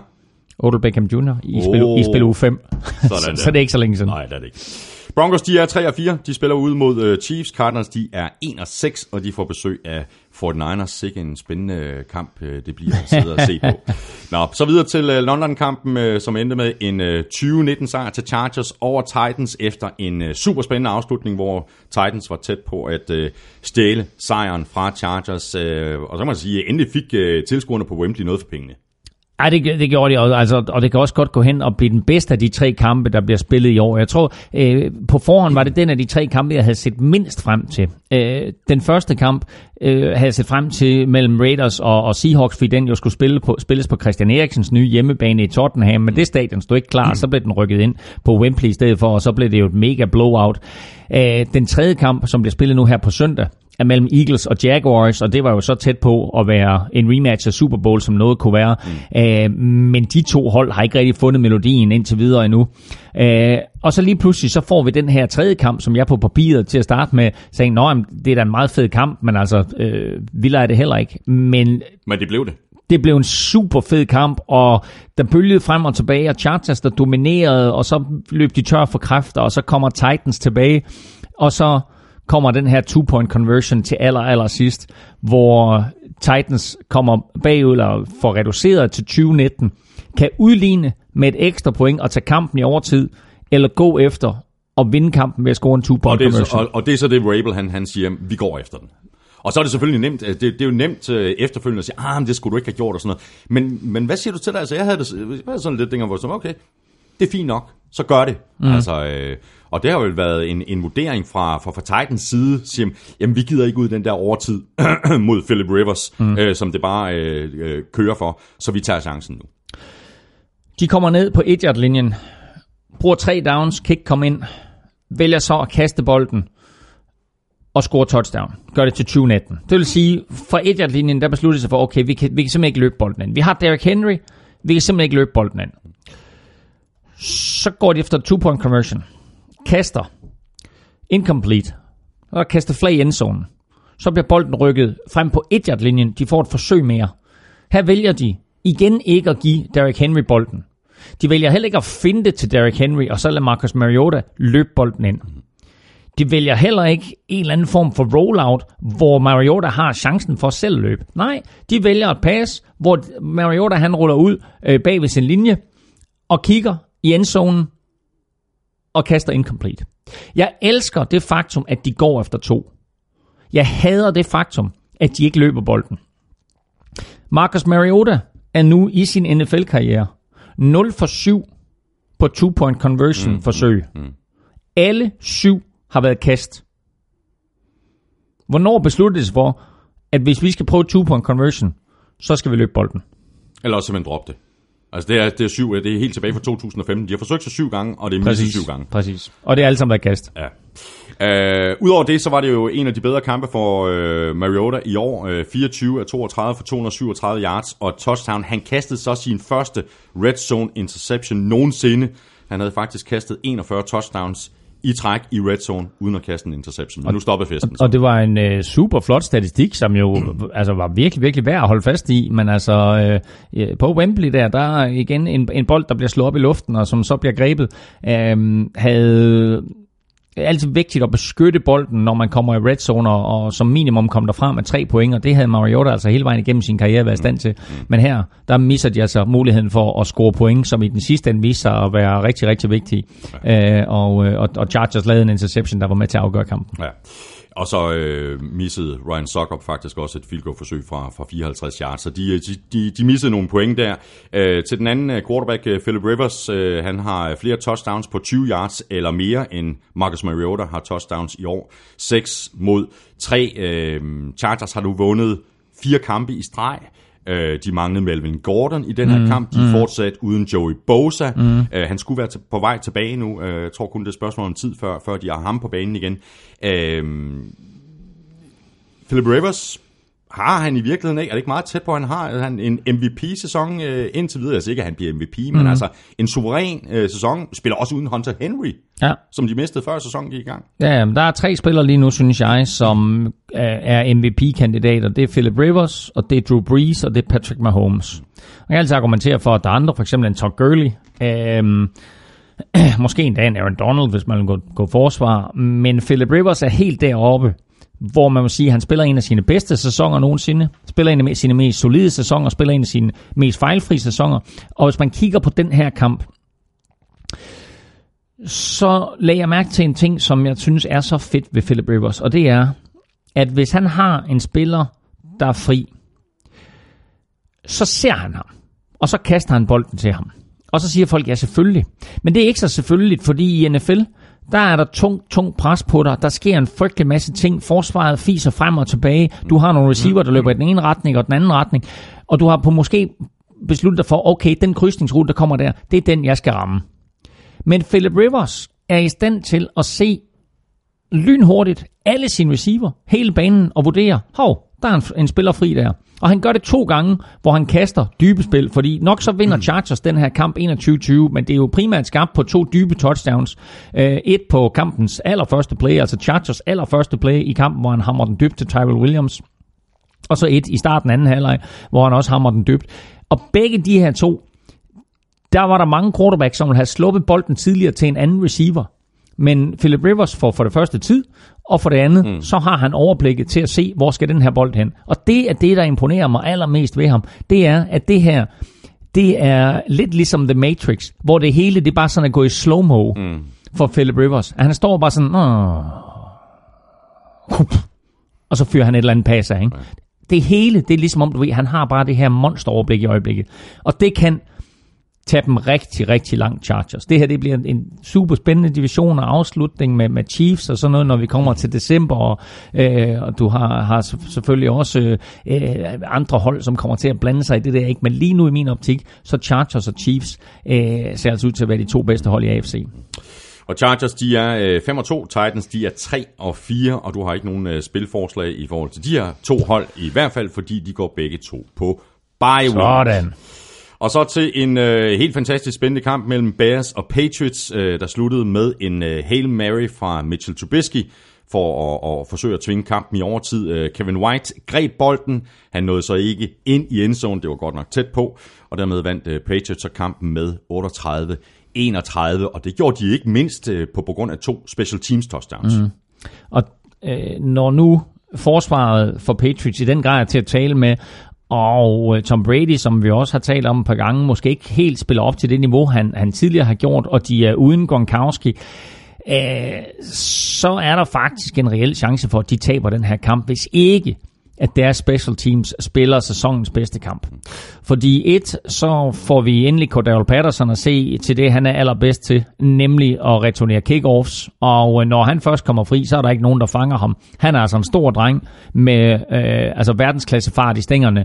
Så han snyder lige øh, to spillere på det samme move. Han laver nærmest sådan et hop til siden, og det snyder han faktisk to Bears-spillere på, og fra det punkt af, der er der ikke nogen, der fanger Nej, ham. 95 yards. Sparker lidt kort, ja, pr- præcis, bliver grebet på 5 linjen og så, øh, så returnerer han det touchdown. Lidt senere, øh, der blokerer øh, Patriots et øh, punt, Dante, Øh, Dante Hightower. Dante Hightower, der blokerer det, og så Kyle Van Noy samler bolden op og scorer. Og det, det er to touchdowns, det er 14 point, som Patriots får på special teams her. Og det er klart, at det er altafgørende mm. i den her kamp. Altså resten af kampen øh, taber de jo sådan set med, med 31-24. Øh, og det her, det er, det er også det, der gør gode hold, og det er det, der gør et Bill Belichick-mandskab. Det er, jamen du er klar over, det alle tre enheder, og du er klar over, at en kamp varer 60 minutter. De vinder 38-31, og så du på det her opgør, så vil du sige, jamen det var vel egentlig Bears, der var det bedste hold. Mm. Det er fuldstændig meget. Mm. Der står ja. W Ja, men du, ud, man, ud, for, ud for Patriots. Ja, præcis, og man, og man kan jo heller ikke bare regne special teams fra. Det er jo en del af, fu- det er jo en, det er jo en tredjedel af det at spille fodbold. Ja, ja, og er, du- er du godt forberedt på og hvis special... du scorer er, to er, touchdowns på special teams, det tæller jo. Ja, ja, præcis. Og læg mærke til, at det er jo det, man kan kalde et offensivt special teams play i form af dit kick-off return, mm, mm. og så er det et defensivt special teams play i form af, at du blokerer øh, på, på, på et ikke? Altså, så, så det, det er alle aspekter af, af special teams, som Patriots vinder her. Og man kan sige, de vinder den, eller man kan også sige, Bears taber den. så Patriots er bedre forberedt, eller har i hvert fald øh, gjort deres forarbejde bedre på special teams op til den her kamp, og måske det hele taget i sæsonen, end Bears har. Fordi det er øh, meget, meget markant, at de to plays kommer til at få så stor betydning for den her kamp. Tom Brady havde jo ikke øh, Gronkowski og, og lege med i den her kamp, øh, og så var planen sådan mere eller mindre, at den skulle stå på en ordentlig dosis øh, James White og en ordentlig dosis Soli Michel. Så røg så øh, Michel ud med en knæskade i andet kvartal, mener jeg det var, i øvrigt mm. på det samme spil, der kostede øh, en, en fumble. Øh, skaden, øh, lad os bare lige runde, fordi vi, ja. vi, vi, vi sprang øh, Sony Michel over i begyndelsen af udsendelsen, hvor vi talte skader. Vi tager den nu, fordi øh, den ser heldigvis ikke ud til at være lige så alvorlig som, som først antaget. Der er hverken ledbånd eller korsbånd, der er beskadet, så, så ingen lang pause til Sony Michel. Øh, han sidder nok over i den kommende spilrunde, men det, men det er så også det. Øh, ja, med mindre, med mindre Patriots, de tænker lidt langsigtet, fordi de skal også passe på ham og så videre. Øh, og Sonny Michel får selvfølgelig lidt vink, vink med en vognstang om her, at han også skal passe på sig selv i NFL, øh, fordi det er det her, der sker for mange unge spillere, at de kommer ind, og så får de succes, og så bliver de en lille bitte smule overmodige. Og det her det er vigtigt for Sonny Michel, at han lærer lynhurtigt, at hvorfor holdt Emmett Smith så lang tid i NFL, det var fordi han beskyttede sig selv, og han vidste, hvornår han skulle løbe ud af sidelinjen, hvornår han skulle smide sig, hvornår han skulle tage hættet. Øh, og øh, ikke sagt, at Tony Michel kunne have undgået den her skade her, men han skal bare passe på sig selv og tænke lidt på sig selv. Og det samme skal Patriots lidt. Så ja, de kunne godt spare ham mod Bills, og det gør de formodentlig øh, på mandag. Jeg tror ikke, han når at blive klar øh, til Monday Night-kampen mod Bills. Men hvis man kigger lidt på deres program, så spiller de mod Packers og Titans. Og efter det, der har de en fri uge. Mm. Så hvis de lader ham se ud mod Bills, Packers og Titans, og så har de en fri uge, så får han en måneds pause. Ja.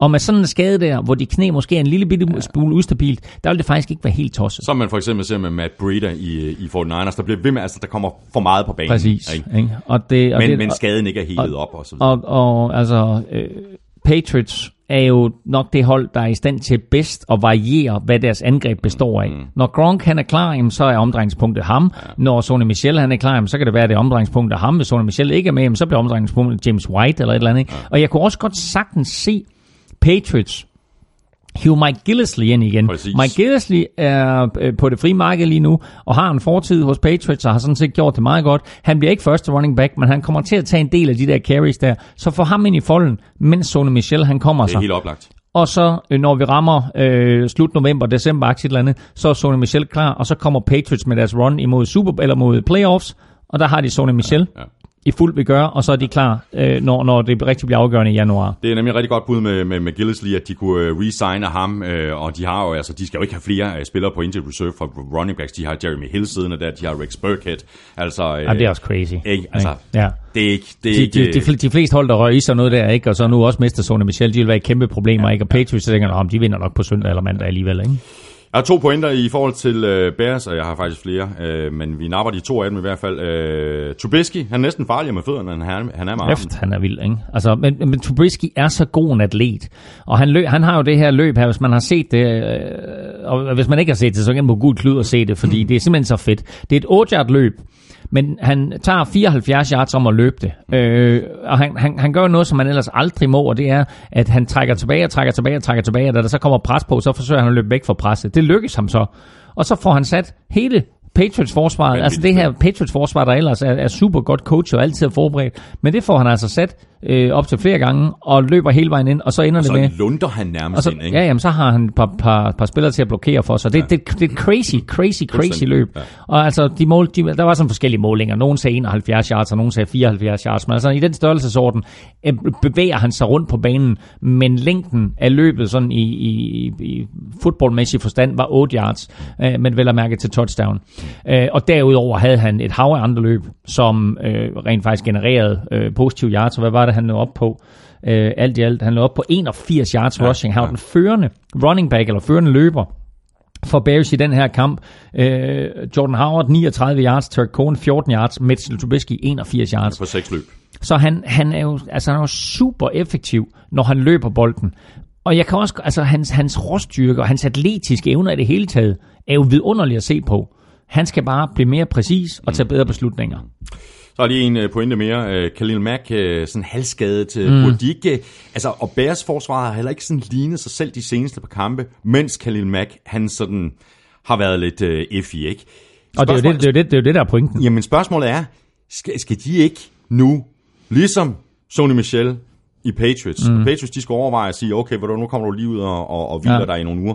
Burde Bears ikke uh, gøre det samme med Khalil Mack? Uh, de næste to kampe, det er mod Jets og mm. Bills. Mm. At de får ikke uh, sådan to kampe i træk, altså, mm. hvor det sådan på papiret er nemmere.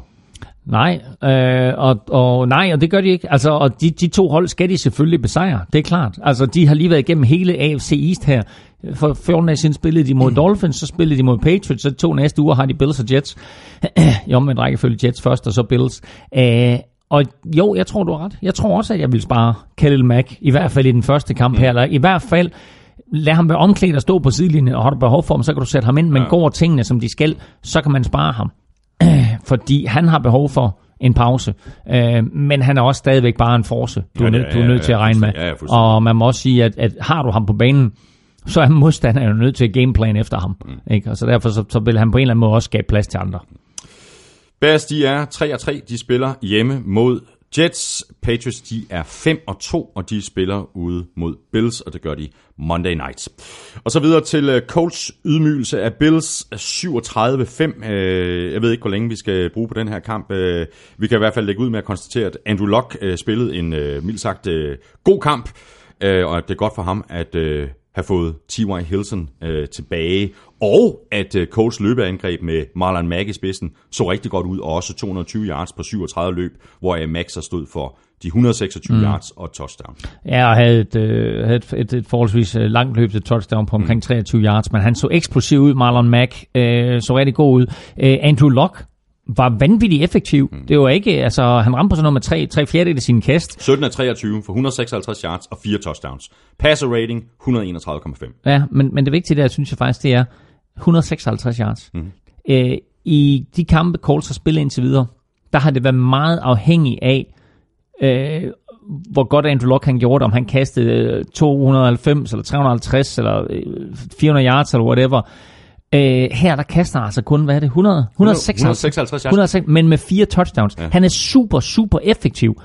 Og han bliver suppleret rigtig, rigtig fornemt af det her løbeangreb. Og er vi der, hvor de har et løbeangreb, og vi har en Andrew Luck, der er så effektiv, han kaster ingen interceptions, så er det her angreb rigtig, rigtig godt. Ja, og T.Y. Hilton er også effektiv. Fire catches, 25 yards, To touchdowns. Ja, og begge de der to touchdowns, det er sådan lidt scramble plays fra, ja, ja, fra Andrew ja, Luck, men ja. hvor han ved, at han skal, han skal lige lokalisere nummer 13, og så få bolden i hænderne på ham. Ja, ja, det går godt at have ham tilbage.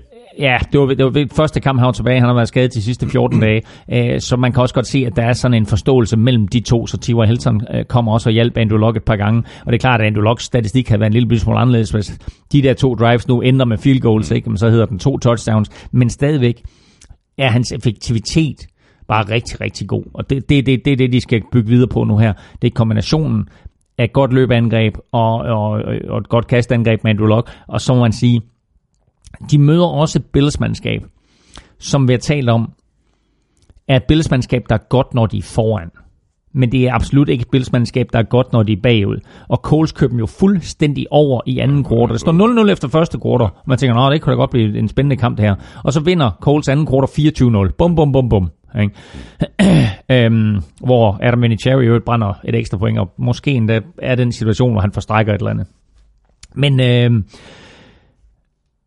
men Bills havde ingenting. Bills kunne ingenting. Og, og, og Coles spillede bare en solid kamp øh, på tværs af alle enheder. Øh, måske netop øh, var special teams øh, haltende en lille smule, netop fordi at øh, Adam Cherry var haltende.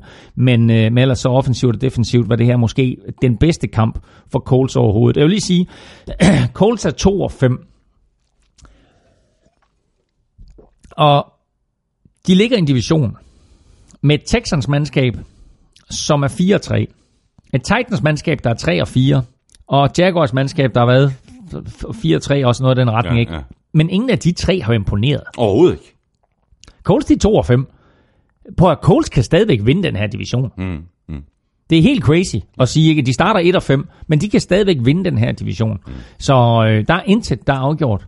I AFC Nej, South, det er der vir- det er og det der bliver virkelig. rigtig, rigtig spændende at se, hvad der sker med Coles fra det punkt her. Ja.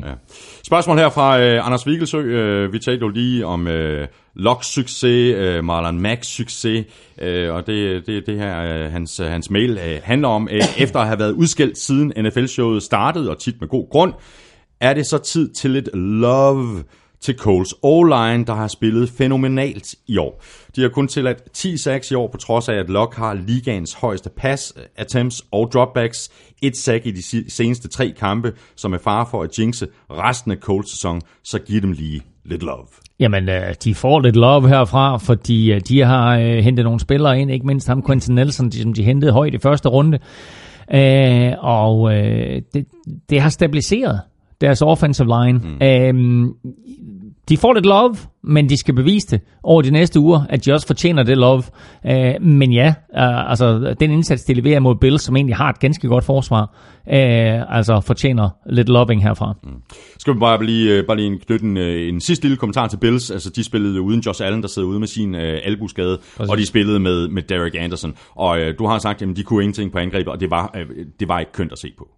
Nej, men han viste jo, Derek Anderson med al tydelighed, at han havde nærlæst Bills øh, playbook. Han kendte den ud og ind, så de der plays, hvor der sådan, de andre de kaster interceptions, det gjorde Derek Anderson også. Han kastede tre interceptions, så det var helt perfekt. det er stærkt. Har du et, øh, har du et spilforslag her, Claus? Jamen, jeg har et spilforslag, fordi øh, Colts får en masse positiv energi ud af det her, masser af momentum, og øh, de spiller i den kommende weekend på udebane imod Oakland Raiders. Og jeg synes faktisk, at odds på en Colts sejr er rigtig, rigtig flot. 1,62 er der på en Colts sejr, og øh, selvom det er på udebane, og selvom det er Oakland, og Oakland øh, har behov for en sejr og alt det der, øh, bare for at, at få, få øh, fansene en lille bitte smule øh, øh, ned igen, og ikke at de er alt for arige på John Gruden, så tror jeg simpelthen ikke, at de kan sejre. Jeg tror ikke, de kan slå Coles. Så jeg synes faktisk, 1,62 på Coles er et rigtig, rigtig fornemt Jamen, det, det synes jeg også, der er. Jeg har dem faktisk også i Picks uh, Colts. Jeg, jeg tager chancen på udebane Sådan. mod Raiders. Colts, de er som sagt 2 og 5. De spiller ude mod Raiders. Bills, de er også 2 og 5. Og de får besøg af Patriots Monday Night, og den kan godt komme til at gøre naller. Texans øh, vandt ud over Jaguars med 27. Øh, det er så ikke den største historie fra den kamp. Øh, den største historie er, at Blake Bortles spillede så ringe, at han blev bænket til fordel for Cody Kessler. Øh, og så er man ligesom ved at være et sted, hvor man nok godt selv kan se, at ens quarterback-situation måske ikke er den bedste i verden. Og det er her, hvor øh, Jaguars ledelse med Tom Coughlin i spidsen må stille sig selv det spørgsmål, skulle vi have gået mere aggressivt efter for eksempel Teddy Bridgewater mm. i offseason? Fordi der var så mange rygter om, at Teddy Bridgewater øh, skulle til Jacksonville. Nu ender han i stedet for med at blive backup i Saints, og så tænker folk, "Jamen, hvad, hvad pokker, hvad, hvad pokker vil have i Saints, og hvad vil Saints med ham? Men Saints, de gør jo præcis det, de har behov for. De sørger for, at skulle der 7-9-13 ske noget med Drew Brees, så har de en backup, der kan træde ind, som ikke sådan er helt væk. Men Jaguars, for det første, så vil det have været fedt for dem nu her i en situation, hvor ikke at Blake Bortles er skadet, men at de har behov for et eller andet nyt, at de får en spiller ind, der, som Teddy Bridgewater, der har bevist, at han rent faktisk kan vinde på NFL-niveau. Blake Bortles, som sagt, er ikke skadet. De er nødt til at sætte Cody Kessler ind. Og altså undskyld mig, men Cody Kessler er en joke. Og have ham som backup, og have ham som den spiller, som, som Jaguars håber på, kan være manden, der kan overtage, hvis Blake Bortles enten bliver skadet, eller ikke formår at føre det her hold videre. At Det er en helt horribel situation, som Jaguars har sat sig selv i. Der var masser af andre muligheder, og hvem ved, altså måske øh, det spørgsmål, som vi havde i starten fra en lytter, med om, om de trader sig til Derek Carr, det er måske en bedre løsning, end Ja, så ja. meget andet, de kunne finde på. Ja, og så må vi se, hvad, hvad de har af draftkapital at skyde med, om, om de har et eller andet, som øh, Raiders synes er interessant nok til, at, at de vil indgå en handel, eller der er andre quarterbacks derude, som kunne være interessante. Den situation, de er i lige nu, den er uholdbar for, øh, for, for Jaguars. Og så har de jo ovenikøbet lige traded Carlos Hyde. Så har de TJ Yeldon. Han er en god running back. Mm. Han kan ikke... Øh, han kan ikke øh, altså, øh, altså, han kan ikke bære... Nej, han, de får Carlos Hyde. De får Carlos. Hyde, ja. de får, Så de må håbe, at han kommer hurtigt på plads, fordi at TJ Yeldon ikke kan bære ansvaret alene. Han kan ikke, han kan ikke løfte den der running back opgave. I særdeleshed ikke, når kastespillet ikke fungerer. TJ Yeldon har fået så mange chancer og blev også draftet i sin tid til at være første running back for, for Jaguars. Så drafter Jaguars selvfølgelig Leonard Fournette, og så bliver TJ Yeldon sådan reduceret til en third down back. Og det er også den rolle, der er bedst til ham. Men med Fournette ude, så er Jaguars klar, klar over, at vi er nødt til at gøre et eller andet. Mm. Og så henter de Carlos Hyde, og øh, Carlos Hyde han sidder så udenfor i den her kamp men er med fra, fra næste kamp. Og så bliver han helt sikkert første running back, indtil Leonard Fournette er tilbage. Mm. Men pointen her er, ikke noget omkring running back situationen, men lidt omkring, at forsvaret, som vi sagde i sidste uge, ikke har spillet på samme niveau, som de gjorde sidste år. De har ikke skabt hverken det antal sacks, det antal turnovers, som de gjorde sidste år, og selv løbeforsvaret er til at tale med i år, hvilket det ikke var sidste år. Sidste år kunne man ingenting imod det her Jaguars forsvar. Det kan du nu. Du kan faktisk nærmest, hvad du har lyst til. Øh, de har i de sidste tre kampe tilladt 90 point. Altså, øh, 90 point, det var næsten, hvad de tillod en halv sæson sidste år. Ikke? Ja, ja. Så, øh, og nu, nu går de ud, og de taber for tredje uge i træk her. Ja, og i stedet for at kreere turnover som sidste år, ja. jamen så laver de turnovers. Altså, de, de, de, de ja. mister bold. Ja, og, og det der så sker efterfølgende, det er, at i omklædningsrummet, der bliver Jalen Ramsey, cornerbacken, øh, og den her, øh, altså cornerback, som aldrig har noget mod at sige noget i en mikrofon, han bliver stillet et spørgsmål til, øh, hvordan stemningen er, og så snakker han sådan lidt udenom og siger, at I, I, I er her, I står i omklædningsrummet, I ser, at der er god stemning og sådan noget, ikke? Mm. Men, siger han så, der er øh, den her elefant i rummet, som vi ikke kan tale om, og I ved godt, øh, at vi ikke kan tale om dem, men det er sådan, det er. Mm. Og elefanten i rummet er selvfølgelig Blake Bortles. Mm. Han siger det ikke med ord, mm. men han står direkte og siger, vores problem lige nu, det er Blake Bortles. Og hvis han ikke siger Blake Bortles, så siger han i hvert fald quarterback-situationen, mm. quarterback-positionen. Mm. Fordi de har ingenting, og de er nødt til at få stabiliseret quarterback-positionen, hvis de vil noget i den her sæson. Og quarterback-positionen, uanset om det er Blake Bortles eller ej, har delt det her hold i to. Det var nok delt en lille smule i forvejen, fordi forsvaret godt vidste, at det var dem, der bar det, men det var trods alt et hold, der var så tæt på at komme i Super Bowl sidste år. Men lige nu her, der er der så markant forskel på kvaliteten af quarterback-positionen, og så kvaliteten af alt andet, de har på det hold her, som gør, at det her hold, det er splittet i omklædningsrummet nu. Og quarterback-positionen gør, at Jaguars får meget, meget svært ved at gentage den succes, de havde sidste år. Mm. Videre til uh, Texans, uh, Deshaun Watson, uh, 12 af 24 for 139 yards og touchdown. Uh, tror du lige, han er glad for uh, DeAndre Hopkins? Uh, tre catches uh, fra hans side, men hvilke catches? Sikkert nogle catches, og uh, vel at mærke over for Jalen Ramsey alle tre. Ja. Og øh, der er sådan del, delte mening om, hvem der vandt det opgør, om det var en af ligaens bedste cornerbacks i form af Jalen Ramsey, eller det var en af ligaens bedste receiver i form af DeAndre Hopkins. Jeg vil sige, det, det, er, det er sådan lidt uafgjort, øh, i og med, at Jalen Ramsey holder ham til tre catches, men de tre catches, han laver, de den, ene, den, den ene, der er ude på sidelinjen, den er helt vanvittig. En hånd og så videre. Hans touchdown er helt fantastisk. Og det, den der med den ene hånd, det er den, der forlænger et, et, et, et faktisk et temmelig vigtigt drive. Jeg tror i begyndelsen af kampen, er det ikke? Jo, det skal nok passe. Jeg, jeg, jeg, jeg kan huske det catch, jeg kan huske hans touchdown catch, jeg, jeg, jeg, catch, jeg kan huske det tredje, men altså, øh, altså bare solid receiver, det er Andre Hopkins, så det var en fed kamp i kampen mellem de to, ja. øh, og selvfølgelig også med til at afgøre kampen til, til Texans fordel.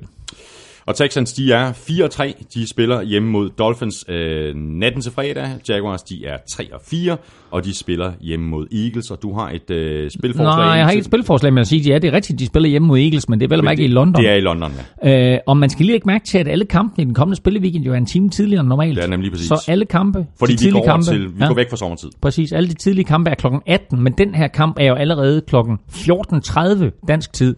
Så der er altså fodbold i dit fjernsyn fra klokken halv tre, og så øh, indtil, indtil, indtil klokken 5 om natten. Ja, præcis jo, ikke? så der er, der er masser af fodbold. Men, øh, men læg mærke til, at man lige øh, skal, øh, skal øh, tænde for, for tv'et en time tidligere normalt, også til de tidlige klokken 19 kampe der, som så er klokken 18. Ja. Men uh, Texans, de spiller altså hjemme mod uh, Dolphins, og uh, lige præcis uh, Dolphins, de havde faktisk besøg af Lions. Ja, jeg, jeg er nødt til lige at sige en sidste ting lige omkring det der, uh, og det er bare lige, at nu snakker vi så meget om quarterback-situationen.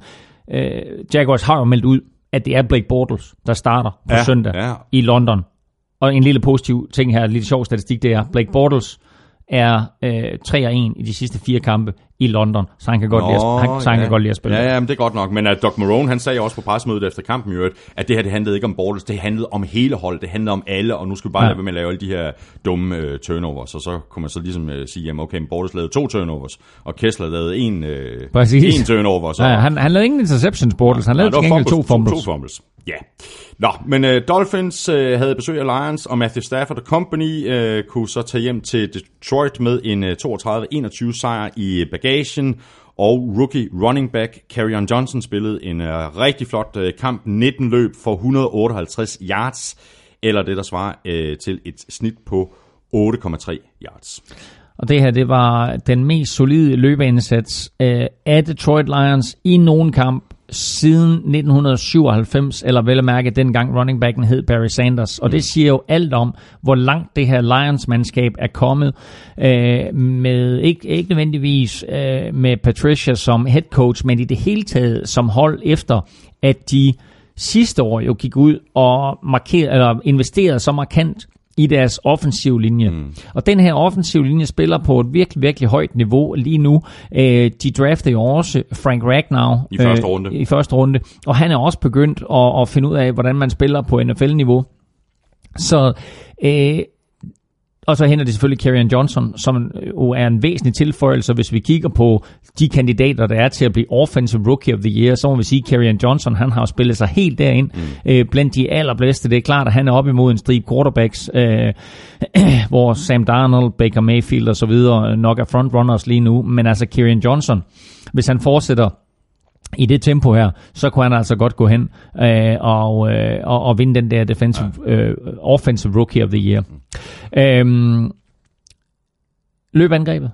Solid, solid, solid indsats. Gør selvfølgelig Matthew Staffords arbejde meget, meget nemmere. Præcis. Og øh, det bet- 18 af 22 for 217 yards og to touchdowns, men det letter jo fuldstændig presset på Ja. Matthew Staffords skuldre, at det ikke bare afhænger af, hvad han kan kreere. Ikke? Jo, det gør det. Og øh, igen, ligesom vi talte om med Coles, og hvordan de var solide på tværs, så var det her Lions-mandskab også bare solidt på tværs af alle enheder. Det var offense, og det var defense, og det var special teams, og så var de selvfølgelig hjulpet lidt af, at øh, Miami Dolphins øh, var ramt af skader, og i store del af kampen ikke rigtig kunne få angrebet til at fungere. så øh, Nej, de det blev, det blev, til at fungere. Ja, nej, det kunne de så heller ikke, men, Nej. men, men, men jamen, det kunne de, og det har du fuldstændig ret i, og, og det var selvfølgelig, fordi vi kiggede på det her, så så, jamen altså, han var så effektiv, Kieran Johnson, og når så Matthew Stafford kastede, jamen, så var han, altså, øh, han var, han var effektiv, øh, i alt, hvad han foretog sig, om det var små, korte dump-offs, om det var de her mellemlange, eller det var, det var de lidt øh, længere kast, han havde, men han completer jo ikke et kast på, jeg tror ikke, han completer et kast på over 20 yards mm. i den her kamp, så det er sådan meget, altså sådan øh, solidt funderet spil, som de, de præsterer. Men det jeg egentlig vil sige mig, at det her, det ender med at blive en meget mere overlegen sejr til Lions, end mange havde regnet med på forhånd. Der var mange, der havde regnet med, at Dolphins er stærkere hold, de har set gode ud, og ja, det kan da godt være, at de starter Brock Osweiler, men sådan generelt set på tværs af 53 mand, eller 45, som du var med til kamp, øh, der er det her, bedre, er det her Dolphins-mandskab bedre end Lions, mm. men det var det ikke. Lions har efter to nederlag i starten af sæsonen spillet sig op, og Matt Patricia har fået sit forsvar til at fungere, og den offensive stab har fået Stafford og company til at fungere. Det her Lions-mandskab skal man ikke helt afskrive. Øh, det er langt, langt bedre, end vi måske troede i begyndelsen af sæsonen. Mm. Og øh, bare lige øh, for, for at knytte en, en sidste kommentar til øh, Brock Osweiler. Altså, jeg har det sådan lidt med, at man kan ikke hænge, hænge Dolphins nederlag op på Brock Osweiler. 22 af 31 for 239 yards og to touchdowns. Øh, men sagen er vel bare, at Adam Gase, hans kreativitet, eks- eksplosive spil, de offensive spilkald, som han kan kalde med Brock Osweiler inden, altså, han har vel mindre at vælge imellem med Osweiler som quarterback. Nå, det, er, det er der ikke nogen tvivl om. Øh, men altså, jeg, jeg tror ikke, der er den store forskel, hvis jeg skal være helt ærlig. Jeg ved godt, at du, du har været solgt på Tannehill i lang tid. Jeg tror ikke, der er den store forskel for det her Dolphins-mandskab, om det er Tannehill eller Osweiler, der spiller.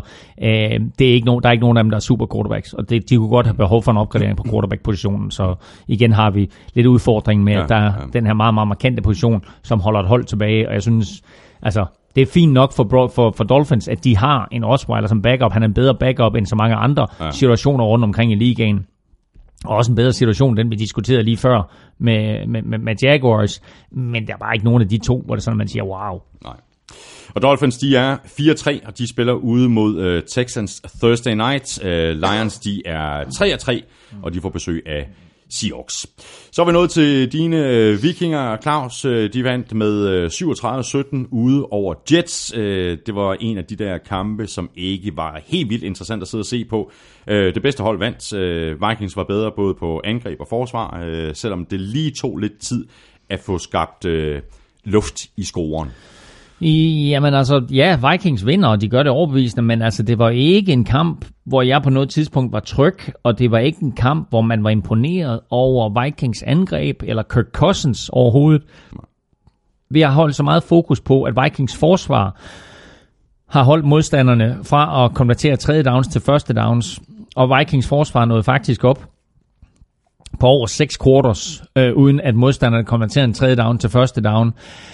De nåede op på 19, 19 angrebsserier i træk, hvor øh, hvis modstanderne havde tredje down, så formåede de ikke at, at få fire nye downs. Så altså 19 tredje downs og to fjerde downs nåede Vikings op på, uden at modstanderne konverterede en tredje down til første down. Det er en fuldstændig vanvittig statistik. Ja. Men Vikings konverterede indtil midt i tredje kvartal kun selv en af deres egne offensive tredje downs mm. til første downs. Så Vikings havde præcis lige så store problemer som, som Jets i den her kamp. Og vi sad jo lidt og snakkede om det, og jeg, jeg, jeg sagde til dig øh, på, på, på, på et tidspunkt under kampen, jeg synes, at han hænger lidt med mulen, øh, Kirk Cousins indimellem. Mm. Sådan går sådan, ah, Ja. sådan, sådan, altså når det ikke fungerer, så synes jeg godt, man kan se det på ham. Ja, og, og, og altså... Jeg, jeg ved ikke, hvad der var galt der i første halvleg. Altså, de fik, øh, de fik bolden foræret øh, tre gange øh, i, i Jets territorie. og Hold da op, de lavede mange fejl, Jets. Ja, men Jets lavede et hav af fejl, og det er også derfor, altså, når, når Jets de laver så mange fejl, og forsvaret ting- tvinger dem øh, til at lave så mange fejl, så skal Vikings angreb jo også være skarpere. Øh, men Vikings på tre muligheder i Jets territorie i første halvleg kommer der frem med tre point. Ikke? Altså, det skal jo som minimum udmønte sig til 9 point, og gerne mere end det. Men de kommer der frem med tre point, øh, og i det hele taget havde de fem angrebsserier i den her kamp, der starter på Jets banehalvdel. Fem angrebsserier, der starter på Jets banehalvdel, de får tre point ud af det. Det er ikke altså, godt nok. Nej, det er ikke godt nok, når du har investeret 86 eller 84 millioner dollars i din quarterback, og du har to af ligaens bedste receiver løbende rundt, og du har en solid tight end i Kyle Rudolph. Men det her, det er også en kamp, hvor man må sige, den er tæt i et stykke tid, og det er mange NFL-kampe, og så trækker det bedste mandskab fra. Og det gjorde Vikings i anden halvleg, fordi deres forsvar slår til, skaber nogle turnovers, og Kirk Cousins får det til at fungere i anden halvleg. Øh, da kastangrebet det ikke spiller, jamen så beslutter trænerstaben sig for, okay, så lad os prøve at løbe bolden mm, lidt mere. Mm, mm. Og så ser vi, at Tavis Murray igen slår til, For anden udtræk. for anden uge i træk. Han har kun øh, i godsøjne øh, 69 yards i den her kamp, han scorer til gengæld to touchdowns, ja. og øh, er med til på det tidspunkt, hvor kampen den er tæt, at afgøre den til Vikings fordel. Så det var ikke den bedste kamp af Kirk Cousins, men forsvaret holder dem inde i kampen, og øh, den ender 37-17, og det fortæller over 60 minutter meget godt, øh, hvor stor kvalitetsforskel der er på de her to mandskaber. Fordi ja, Vikings er et væsentligt bedre mandskab end Jets. Men ser man på kampen som helhed, så synes jeg faktisk ikke, at det er fortjent, at Vikings de vinder med 20 point. Hvad siger vi til øh, Sam Darnold? Øh, 17 af 42 for 206 yards. Et touchdown og tre interceptions, og så løb han så også et enkelt øh, touchdown ind. Øhm, øh, noget svingende, øh, synes jeg. Øh, super kast ind imellem, og så nogle hasarderede beslutninger også. Øh, for eksempel øh, den øh, bold, han forsøgte at tvinge til Robbie Anderson, hvor han var i dobbelt øh, coverage. Mm. Øh, han var pakket fuldstændig ind af Xavier Rhodes og, og Harrison Smith, mener jeg det var. Ja, og så slår Xavier Rhodes den op, ikke, og Harrison Smith intercepter den. um, han var under pres. Altså, øh, Vikings forsvar har spillet sig op. Øhm, de udfordringer, som de havde i starten af sæsonen, er de stille og roligt ved at få has på. Så de gør det ikke nemt, og de gør det ikke nemt for en quarterback, uh, rookie quarterback som Sam Darnold. Han ser nogle ting, og han oplever nogle ting i den her kamp, han ikke har set før på college-niveau eller, eller i sin korte NFL-karriere. Så er han under pres, og han, Ja, ja, han ender, er med, han, han ender med at kaste tre interceptions ja. og fumbler også en enkelt gang. Men det er også så det, han, han, han, Ja. laver, han laver fire turnovers, og det er sådan noget, han skal tage fra den her kamp øh, og bruge den som læringsproces, Ja. fordi det her, det var, det var en svær kamp for ja. ham. Fordi, altså, der, er- der er flere af de bolde der, hvor han bare skal kaste dem væk. Altså simpelthen bare sige, okay, det dur ikke det spil her, væk med bolden, ikke?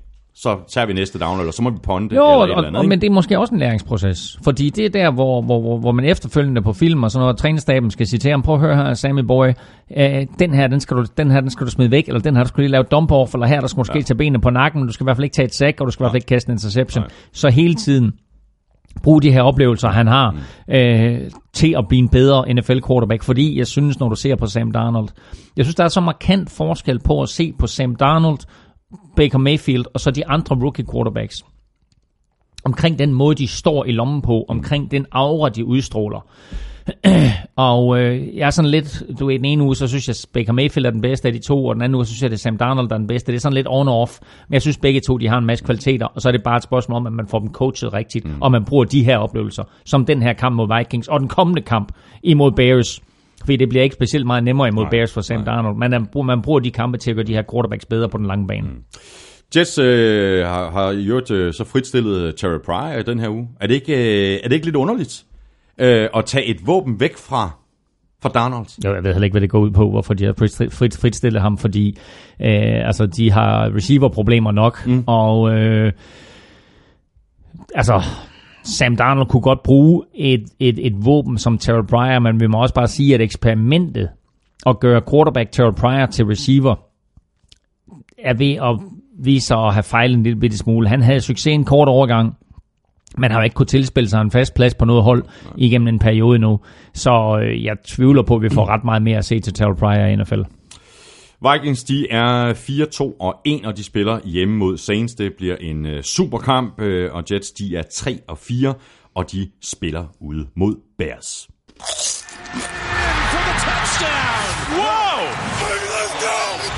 Ugen spiller præsenteres af Tafel. Skal vi have gang i nogle øh, linsechips her? God. Vi er nemlig fremme ved ugens spillerkonkurrence. Vi smed ikke tre, men hele fire navne på Twitter i går. De nominerede var Aaron Donald, Todd Gurley, Kareem Hunt og Andrew Luck. Vi begynder nedefra. Luck fik 11% af stemmerne, Todd Gurley fik 19% af stemmerne, Kareem Hunt 25%, og Aaron Donald fik 45% af stemmerne. Juhu, en forsvarsspiller. Hey, Hey! det kan jeg godt lide. Vi skal have fundet en øh, vinder af en masse taffelchips. Elming, du smider bare poteren ned i taffelsækken. Det er jo dig, der er lykkenskud Bum, bum. Jeg trækker en her. Og Aaron Donald står der. Og vi skal et smut til Esbjerg, og det er René Poulsen. René Poulsen, hvordan er det, øh, øh, Ej, hvordan er man stop, taler i Esbjerg? Stop, stop. Ej, men et lige bud, et hurtigt bud på, hvordan man taler i Esbjerg. Jeg kørte på knallert øh, ned på havnen. Hvordan siger man det i Esbjerg, for eksempel? Og kørte og knaller ned over havnen. Og så kørte jeg lige ind i fiskegutter. Det er også uheldigt. Og så faldt jeg i søvn der. Så, så lå jeg og sov der. Ej, nu er, nu er, Ja, nu, er, nu nu er jeg gået Randers. Vi ender altid Randers, det er stærkt. Vi ender altid Randers. Vi gik lige i beneren. Ja. Nå, jamen øh, stort tillykke til dig, øh, René Poulsen fra Esbjerg. Jeg sender en uh, mail til uh, MVP Christina, og så sørger hun for, at der bliver sendt en kasse med taffelchips afsted til dig. Alle har chancen for at vinde igen i næste uge. Vi uh, nominerer tre spillere, måske fire spillere på NFL Shows øh, Twitter-profil. Tirsdag, så kan du øh, så stemme på din øh, favorit på mailsnabla.nflshow.dk ved at skrive dit bud i emnelinjen, og i selve mailen, der skriver du dit navn og adresse, og så har du altså muligheden for at vinde en kasse med masser af taffelchips. Og så øh, åbner vi anden omgang med øh, kampene med Eagles-Panthers, som øh, Panthers øh, endte med at vinde, på trods af, at Eagles var foran med 17-0, og Panthers ikke rigtig kunne få noget til at fungere på angrebet øh, ja, de første to-tre quarters. Øh. Det kunne de nemlig godt i fjerde kvartal, hvor de så scorede tre touchdowns, øh, uden at Eagles formåede at svare igen, selvom de pressede på til allersidst, da Wentz blev sækket og fumblet i, i red zone. Men en super kamp, super spændende afslutning. det var jo den vildeste kamp, og det lignede jo længe, at det her det blev, om ikke et blowout, så en sikker Eagles sejr. De var foran 17-0. De havde tvunget Panthers til øh, en af punts. Det her, det var, det, det jo en lidt atypisk kamp, den her, fordi Panthers kun fik otte angrebsserier. Altså over en hel kamp får de kun otte angrebsserier. Mm. Deres første fem angrebsserier, den ender, de ender med fem punts. Og deres tre sidste angrebsserier ender med øh, tre touchdowns. Så får de selvfølgelig en 9. angrebsserie, hvor kampen er afgjort, og Cam Newton bare skal tage knæ, men han tæller ikke rigtig med. Men altså fuldstændig ineffektivt på de første fem angrebsserier, og så tre touchdowns øh, til sidst. De er jo bagud 17-0, og så scorer de tre touchdowns og vinder 21-17. Hvis man, hvis man kigger på Cam Newtons produktion over, over kampen her, ikke? så i de første tre quarters, der rammer han på 9 ud af 17 kast for 68 yards. I fjerde quarter, der rammer han på 18 ud af 22 Ja. for 201 yards og to touchdowns. Med en passer rating på 131,1 i øvrigt. Bum. Altså i fjerde kvartal. Altså, det, det- var så markant, og jeg ved ikke, om det var fordi Eagles blev trætte, eller øh, Panthers øh, forsøgte sig med nogle anderledes ting. Præcis, man, Øhm. øhm. man, er, man er nede 17-0, og så øh, det er ryggen mod muren, og så kan man i virkeligheden måske spille mere frit. Så er det sådan lidt, øh, der, der, der er alt at vinde, og, og det, der øh, kan tabes, det er mere eller mindre allerede tabt. Og der sker jo nogle gange det i løbet af sådan en kamp, at man ser nogle ting, man ser nogle tendenser, man ser nogle huller, som man har mulighed for at benytte. Og det gjorde Panthers i den grad i fjerde kvartal. Øh, Christian McCaffrey havde en stor fjerde kvartal. Devin Funches havde en øh, stor fjerde kvartal. Funches griber øh, et touchdown, og er det hele taget øh, fjerde kvartals største våben for, øh, for, øh, for Panthers i det her comeback. Eagles har svært ved at håndtere ham.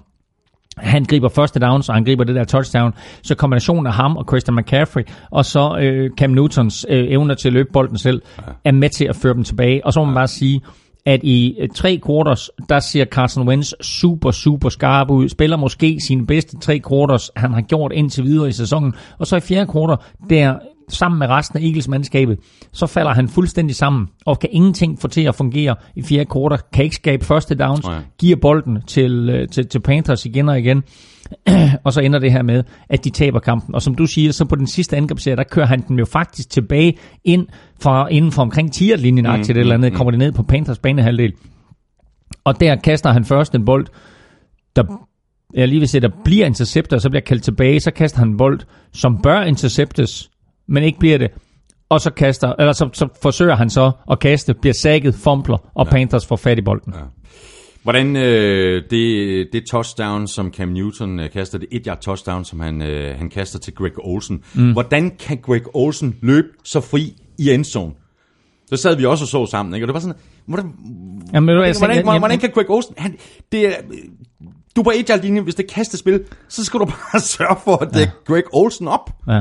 Kommer helt fri. Men, men, men, men det er så sjovt, fordi jeg tror, jeg sagde til dig, da vi så det play, at jeg forstår simpelthen ikke, at der er så mange NFL-hold, der har så stor succes med det play. At der er så mange NFL-forsvar, der har så svært ved at stoppe det. Men det er selvfølgelig fordi, du bruger alle kræfterne på at stoppe løbet. Og når du så laver det her, øh, den her løbefinte, så kommer forsvaret op. Og når du så har en Greg Olsen, som så lader som om, at han blokerer og så glider fri, så går han bare vanvittigt fri, men der er ikke, altså, der er ikke en Eagles-spiller i nærheden. Altså, de 11 Eagles-spillere, der ligesom har sagt, Nå, men det, er, det er nok et løb, det her. Ja. Og så hopper de på den.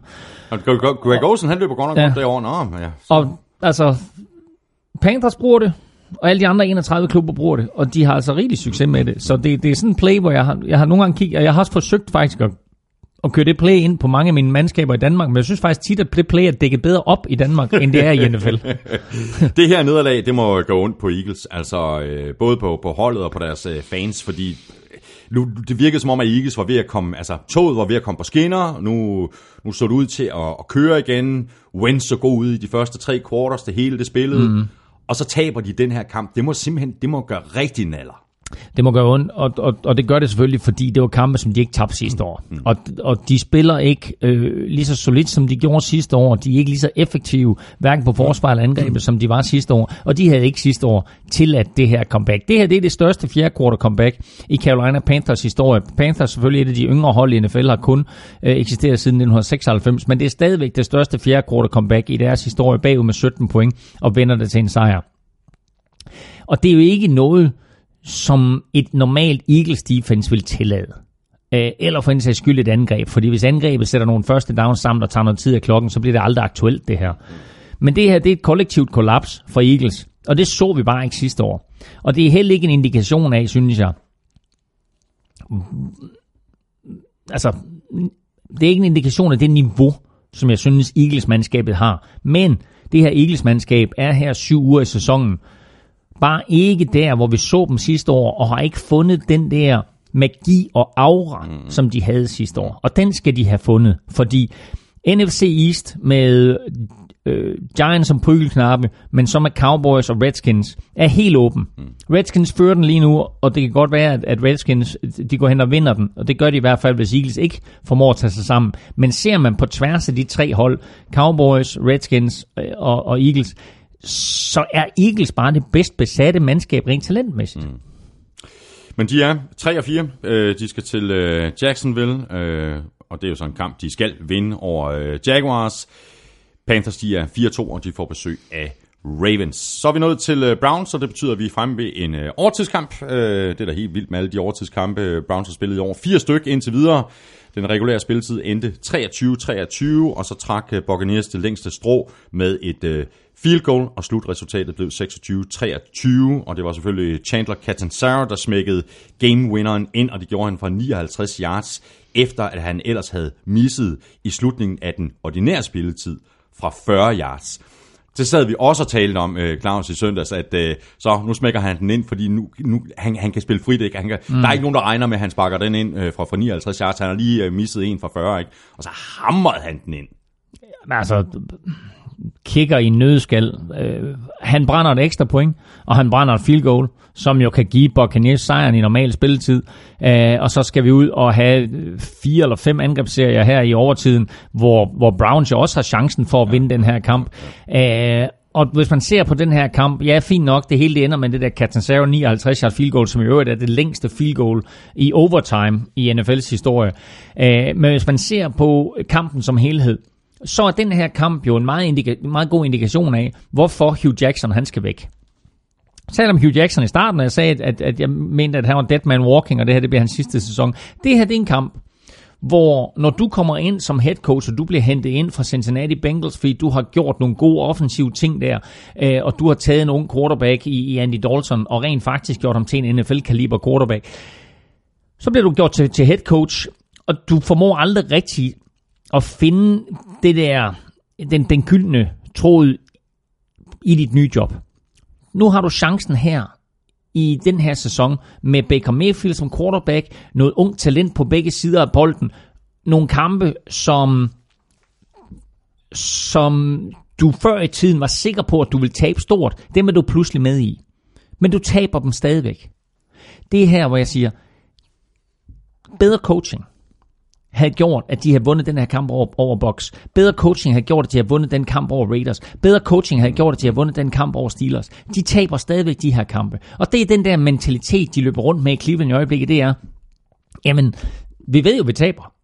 Vi har tabt dem. Så derfor var euforien også så stor, da de slog Jets. Mm, mm. Og derfor var euforien faktisk også stor, da de fik uafgjort. Eller, det var sådan semi-stor, da de fik uafgjort mod Steelers. Men de skal derud nu, hvor de vinder de her kampe. Og jeg er ikke sikker på, at Hugh Jackson er den rigtige mand. Det, det, her, det, her, det her, det er en kamp, hvor de har alle chancer for at vinde den. Mm. Ja, de er langt bagud, ja, de kommer tilbage, og ja, og der, de og, mange og, og, og, der, er noget, der er noget Baker Mayfield magi der undervejs. Ja, ja. Men det her det er en kamp, de skal vinde. Og jeg er så, jeg er så ærgerlig, fordi jeg, jeg, jeg, jeg går sådan lidt og bliver Browns-fan. Mm. Ikke? Altså mm. de her dage her, jeg tror... Ja, man jeg, krydser lidt for dem, ikke? Man håber lidt på dem, ikke? Man, man, man vil gerne se det turnaround, man vil gerne se det der mandskab, der har haft så meget dårligdom, og den by, der har haft så meget dårligdom, at, at de får noget succes, og jeg kan godt lide historien om Baker Mayfield og alt det der, men de skal mm. vinde de der kampe, ja. og det er det, der er over mig, det er det, der irriterer mig. 14 penalties, 114 yards, det er også alt, alt, alt for meget, ikke? Øhm, det, er, ja, det er halvanden scoring jo, ikke? Ja, ja, altså, det er 10, 10 point ja, ja, præcis. Uh, Emil øh, Lund uh, spørger ind til det her med de her overtidskampe. Når nu Browns er så vildt gode til at gå i overtime, uh, så kommer jeg til at tænke på, hvad rekorden er for flest overtidskampe for et hold i en sæson. Vi er jo derhen nu, at der er spillet syv spiluger, og der har været minimum en overtidskamp i alle spiluger. Det er første gang nogensinde, det er sket. Øhm, flest overtidskampe for et enkelt hold er fem, og det er så vidt jeg husker, sket to gange. Øh, Packers i 1983-84-agtigt, og så jo Panthers i 2003, øh, som, var, øh, som var det her, de fik jo øgenavnet Cardiac Cats, fordi øh, altså det var det år, hvor de kom i Super Bowl ja, ja, ja. og tabte til Patriots, men mm. de havde så mange tætte kampe, så du, folk de sad derhjemme nærmest fik hjerteslag. og fik hjerteslag, så de fik det her tilnavn Cardiac Cats. Øh, det mest antal øh, det, øh, hvad hedder det, overtidskampe, der har været en enkelt sæson, var i øh, 2002. Der var der 25. der har været på nuværende tidspunkt i over 10, og holder de det her niveau, så må man op på 24,2 aktier eller andet. Ikke? Så det er lige der omkring, at man er oppe og tangerer, eller måske endda stikker antallet af overtidskampe. Og vi kan bare sammenligne med sidste år, der var der altså kun 14, så vi er næsten på det niveau ja, allerede her efter syv spiluger. Box havde lavet øh, fire turnovers. Øh, den ene, en rigtig grim interception af James Winston i, øh, i overtiden.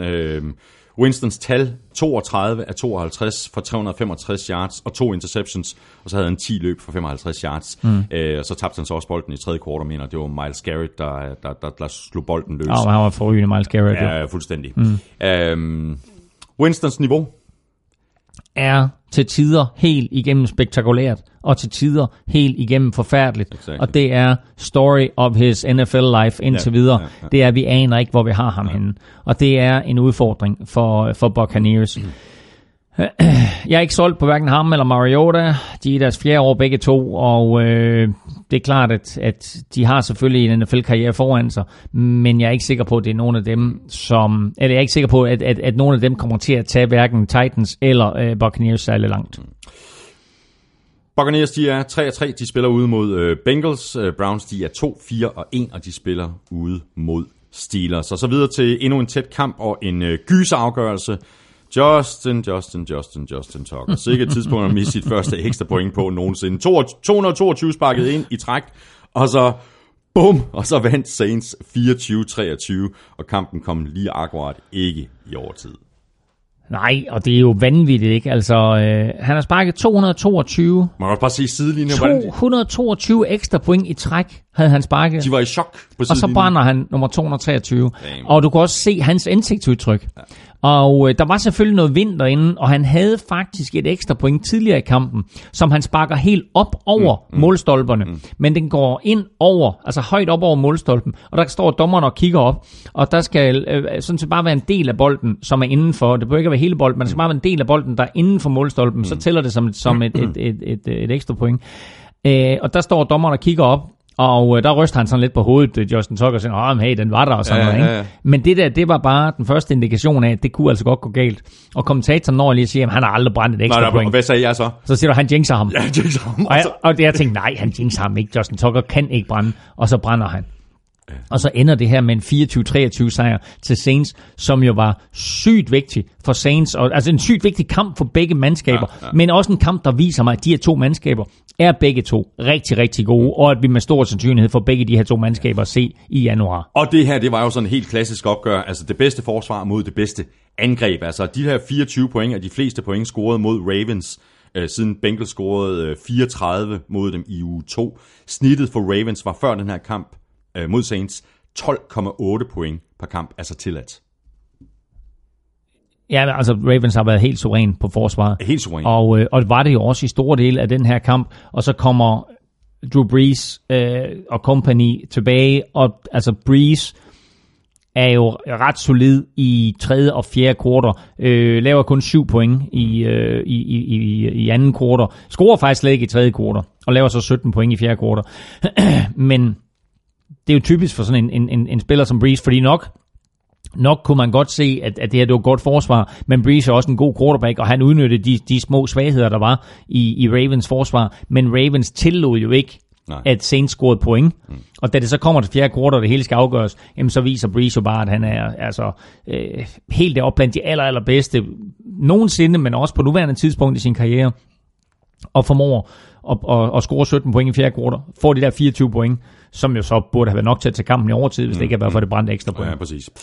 Og han kastede så uh, Drew Brees uh, sit touchdown. Uh, nummer 500, det gik til Benjamin Watson. Uh, nummer 501 gik til Michael Thomas. Uh, så kan han så kigge op uh, mod Tom Brady, der har 504, Brett Favre 508, og Peyton Manning, der har øh, 539. Jeg noterede mig en anden lille nugget øh, mm. omkring Drew Brees.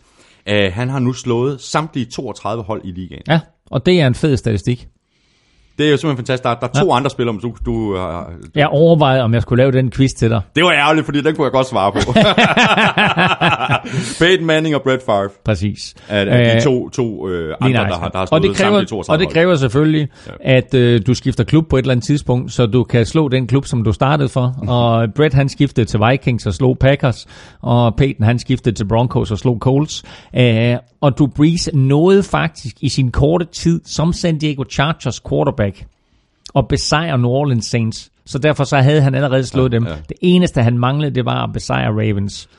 Og så skal man jo lægge mærke til, at mange af de her klubber møder man jo kun hvert fjerde år. Så det kræver altså også, at man er i ligaen et stykke tid, for at man får mulighed for at slå alle klubberne. Det er, det er en virkelig, virkelig sej statistik. Ja.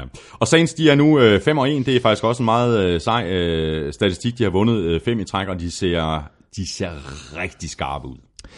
Jamen det gør de. I særdeleshed på angreb. Det gør de, og øh, de er super skarpe, og det bliver jo øh, altså virkelig, virkelig fedt i den kommende weekend, fordi der er øh, sun, Sunday night ude mod Vikings tilbage i, jeg vil kalde det Metrodomen, men øh, tilbage på US Bank Stadium, og øh, der hvor de playoffs i januar øh, tabte på det her Minneapolis Miracle fra Keenan, øh, hvad hedder han, Case Keenum til, øh, til Stefan Diggs, ikke? Så øh, må ikke, at øh, tv-selskaber og diverse og så videre, alle interviews kommer til at køre på det der, og Saints øh, og Vikings spiller for en sags skyld for nok med at sige, ja, ja, men det var den gang, og nu er det en ny kamp, og så videre, og så ja, videre. ja, ja, ja.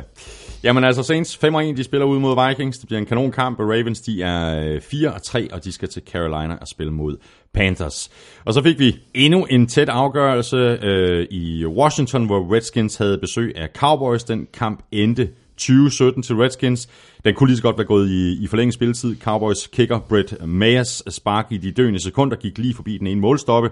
Han havde ellers sparket den ind øh, 16 gange i træk før det spark. Øh, det viser sig bare lidt om, hvor meget pres der er på de her kicker i de her helt afgørende situationer. Og øh, sparket blev jo øvrigt også lige gjort 5 yards længere øh, på grund af en 5 yards øh, penalty. Så i stedet for 47, så blev det altså 52, og det var så åbenbart øh, det, der pressede den gode Brett. Ja, og, og som man så øh, flugten på den her bold, så var den jo gået ind fra 47, ja. men den nåede lige på de sidste 5 yards at dreje ud, og så ramte den stolpen, og så ender det jo med, at kampen ikke går i overtid, men at Redskins vinder. Men det, man skal stille sig selv spørgsmål omkring, det er, hvorfor var Jason Garrett så moderat og konservativ i sin playkald, at han ikke mere aggressivt gik efter at få den her kamp afgjort? Hvorfor med timeouts og tid på klokken går han ikke efter og score et touchdown. Han spiller super, super konservativt og får flyttet bolden op, sådan så de kan sparke 47 et field goal. Og ja, så dummer de sig og får den 5 yards straf, og så bliver det en 52 i stedet for. Men han har tiden til at få det her Dallas-mandskab kørt inden for scoringsafstand, og velmærket touchdown-scoringsafstand, til at de vinder den her kamp i normal spilletid.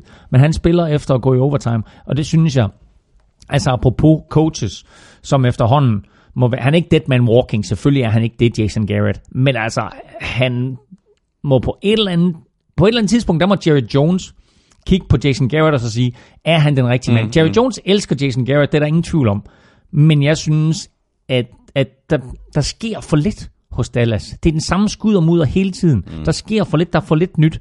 De har et virkelig godt forsvar, og de har Sean Lee tilbage, og jeg Ja, ja, elsker præcis. at se Sean Lee. Ja. Øh, men de har alle chancer for at vinde den her kamp. Mm.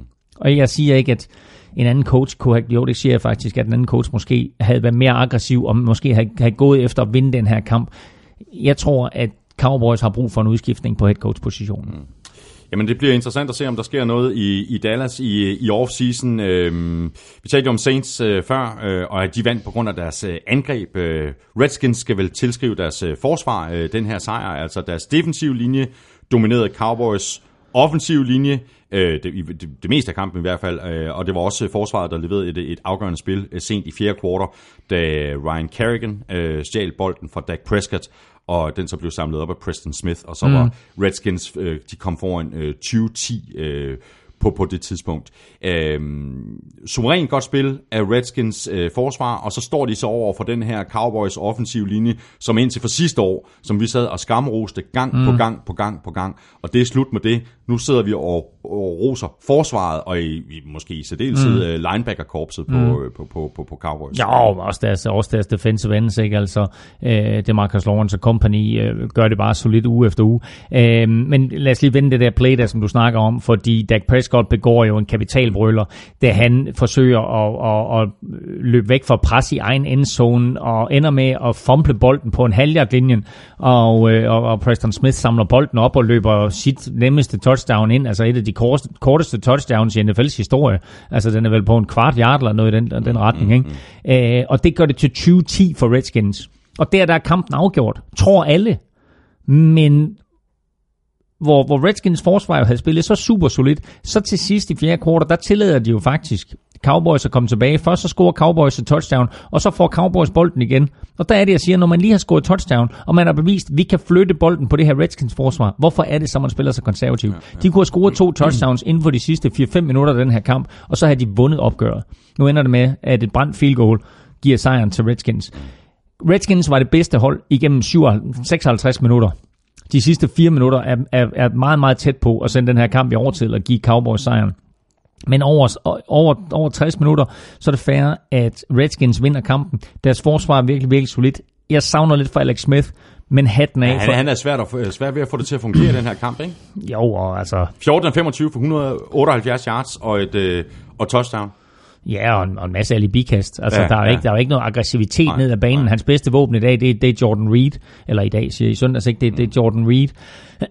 øhm, Og så men- endnu en god kamp til Adrian Peterson. men det var det, jeg ville sige. Hatten af for Adrian Peterson, fordi øh, han spiller, jeg skrev på mit momentometer, han spiller i nummer 26, og han spiller som om han er 26, fordi øh, han har altså virkelig fundet sin gamle magi frem. Øh, altså solid, solid indsats af Adrian Peterson, og han er jo faktisk blevet omdrejningspunktet på det her angreb. Ja. Uh, vi har allerede været lidt inde på den her division uh, tidligere, men det her det var en uh, super vigtig sejr for, for Redskins. Uh, ovenikøbet samtidig med, at Eagles de tabte, så stillingen er nu Redskins 4-2, Eagles 3-4, Cowboys 3-4, så har vi Giants, uh, som du kaldte dem uh, tidligere i udsendelsen, en prygelknappe med 1-6. Præcis. Ikke? Så det var en, en super vigtig sejr for, for Redskins. Det kan, det kan nærmest ikke overvurderes. Nej, men det kan det ikke, fordi de, altså lige nu, der, der ligger de og fører divisionen, og øh, de er sådan set, altså jeg synes egentlig, de, de er jo det hold i divisionen, der har spillet mest stabilt. Eagles sådan on off, og, og, og, og, og Dallas vinder nogle store sejre, men taber nogle latterlige kampe, altså. Så, øh, så det her, det er en sæson, hvor de ikke rigtig har fundet niveauet i NFC East, og hvor hvis Redskins de holder niveauet, så vinder de divisionen. Og Redskins, de er som sagt 4-2. De spiller ude i divisionen øh, mod øh, Giants, og Cowboys, de er 3-4, og de øh, går på deres øh, bye week. Så er vi nået til den øh, kamp, som det oprindeligt var meningen skulle have været Sunday Night-kampen, men som NFL med øh, rettidig omhu, som jeg tror, man kalder det i øh, hos Mærsk, øh, valgte at flytte. Øh, Rams, de slog de ydmygede 49ers på udebane med 39-10. Øhm, og lad os bare lige prøve at høre, hvad Kyle Shanahan sagde efter kampen. We just got our ass totally kicked. We couldn't do diddly poo offensively. We couldn't make a first down. We couldn't run the ball. We didn't try to run the ball. We couldn't complete a pass. We sucked. Ja, øh, det var så, jeg kom til at trykke øh, Jim Moore på i stedet for. Men Kyle Shanahan kunne godt have sagt det her. Jamen altså, øh, det, det der, det var faktisk fuldstændig karakteristik af, hvordan det her Fort Niners øh, hold, det spillede imod Rams. Som jeg sagde i indledningen, da vi hørte Rams' fight song, så var Fort Niners faktisk rimelig godt med i starten af den her kamp, indtil de blev overvældet af egne fejl, og af Rams' firepower. Ja. Fordi de kunne simpelthen ikke følge med til sidst. Øh, Og de holdt faktisk øh, Todd Gurley også i en rimelig kort snor i begyndelsen af kampen, og så, men altså, han ender jo bare alligevel med at score tre touchdowns, ikke? jo, Altså to altså, løbet og, og, og, og et grebet, ikke? Jamen altså, han har ikke, han har ikke specielt mange, mange yards i den, i den her kamp, øh, Todd Gurley, ikke? Altså 63 yards løb, og hvad griber han? For, griber han bolde for 23 yards, ikke? Mm, altså sådan, sådan 86 yards, men, men tre touchdowns. Ja. Og han er bare super, super effektiv. Ja, altså når de kommer derned, og han kan sniffe mållinjen, Det er jamen altså så, oh, han der var mål, oh, så må Ja. ja. endzonen jo være lige bag ved mållinjen. skal vi ikke, øh, prøve at besøge den, så? Ja, præcis. Nå, og der er der nogle græsstrå, jeg ikke har set her. 14, øh, 14 touchdowns for, for sæsonen er han oppe på nu. Jamen, det er, altså, ja, det er imponerende. Øh, der er faktisk kun to spillere i NFL's historie, der har scoret 14 touchdowns efter syv kampe. Kan du nævne dem? Øhm, Det er sådan, svært. bu- øhm, LaDainian Tomlinson? Er, er et virkelig godt bud, men er ikke rigtigt. Øhm, altså, ja, den, altså, den ene er Priest Holmes, som jo havde de der par, van, Okay, par ja, vanvittige i sæsoner. Ja, ikke? ja. Han er den eneste i den moderne NFL-karriere, der har gjort det. Vi skal helt tilbage til legendariske Jim Brown for at finde den anden. Okay. Så det er sådan rimelig historisk, det som Todd Gurley han har gang i her. Ja, han er kurs mod øh, 32 touchdowns per sæson. Altså hvis han holder tempoet, ikke? Ja. To touchdowns per kamp, Ja. Så ender han på 32. Og rekorden er 31. 31 alle Danian. Det er nemlig LaDainian, Ja, der, præcis. der har den på Ja, lige 31. nøjagtigt. Jamen, øh, det, er, det er interessant. Det bliver, meget, øh, det bliver meget interessant at følge med i øh, den statistik med Todd Gurley's touchdowns mm. mod øh, 49ers øh, øh, turnover differential. Fordi den ligger lige omkring, jeg tror, øh, 49ers er minus 15. Er det det? Ja, minus 15. Jamen, det er også vanvittigt. Så kan man ikke vinde en fodboldkamp. Nej, det kan man bare. Nej. ikke. Jamen, øh, jeg har egentlig ikke så forfærdeligt meget mere at sige til den kamp, andet end at øh, Rams, øh, det spiller bare øh, fuldstændig max for det øh, hold, og det gør det bare overhovedet ikke øh, for 49ers. Den øh, sæson, den er slut, og den er helt slut for, i øvrigt for, for safety Adrian Colbert, der er ude for sæsonen med, med en rigtig grim skade. Jeg tror simpelthen, han har brækket, øh, brækket skinnebenet i, i den her kamp. Så endnu en, øh, endnu en på injury reserve Ja, det er, det er, 49ers. det er en sæsonsmidt skraldespand for, Ja, det er det for Carl. Shanahan Ja, og kompagni. Ja, ja, fuldstændig. Ja. Har du mere, øh, du vil øh, få til? Øh, altså, vi kan godt Nej, øh, nej, snakke om alle nej, jeg, jeg, vil bare sige, jeg, vil bare, nej, jeg vil bare sige, Rams har en, har en øh, spændende kamp øh, på tapetet den kommende weekend. Det kan du få lov til at fortælle lidt om. nu. Ja, men præcis.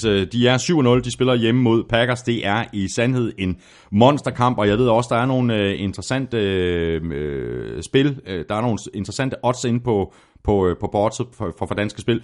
Øh, for Niners, de er 1-6, og de spiller bundopgør ude mod Cardinals. Har du noget til, øh, til, til, til Rams Cardinals? Øh, ja, Jeg mener, der er faktisk rimelig højt odds på øh, en Packers sejr. Nej, nej, nå, nå ja, på en Packers sejr, ja. Øh, lad mig lige prøve at finde her. Øh, nej, men jeg vil egentlig fortælle, øh, og jeg ved ikke, det, var, det må være nogle, nogle noter, der er forsvundet, for man egentlig fortælle, at øh, der øh, siden, øh, siden øh, NFL blev sammenlagt i 1971 stykker mm, aktivt, hvor AFL og NFL blev lagt sammen, der er alle de hold, der er gået 7-0, de er gået i playoffs. Og Rams er gået øh, er 7-0 nu, ikke? Mm. Øh, og 10 af dem har vundet Super Bowl. Så øh, lige nu, der kan de altså sådan godt begynde at, at, at slække sig lidt om munden i, i, i Los Angeles Rams. Det er jo første gang Rams de er 7-0 siden 1985. Altså ikke, ikke, ikke på noget tidspunkt den tid, hvor de var i St. Louis, var de, var de 7-0. Nå, hvad var det vi lidt efter her, sagde du? Jeg har fundet oddsene her. Los Angeles Rams giver 1-23 igen. Altså store favoritter. Store favoritter. Og øh, Green Bay Packers giver odds 24 igen. 4,20. Øh, Aaron Rodgers. Aaron Rodgers giver odds 4,20 igen. Det er helt Ja, crazy. det er fuldstændig crazy. Og så til øh, den kamp, øh, der fik æren af at øh, blive Sunday Night-kampen. Øh, den blev nu så ikke helt lige så spændende, som man kunne have håbet på. Øh, Chiefs de slog Bengals med 45-10, og dermed revancherede Chiefs sig så oven på forrige uges øh, første sæsonnederlag. Øh, den kamp, de tabte til Patriots. Øh, Chiefs de sikrede sig, at de kom godt fra start øh, i modsætning til øh, kamp mod Patriots. Øh, de scorede på øh, fem af deres første seks drives, og de sluttede kampen med 551 total yards offense.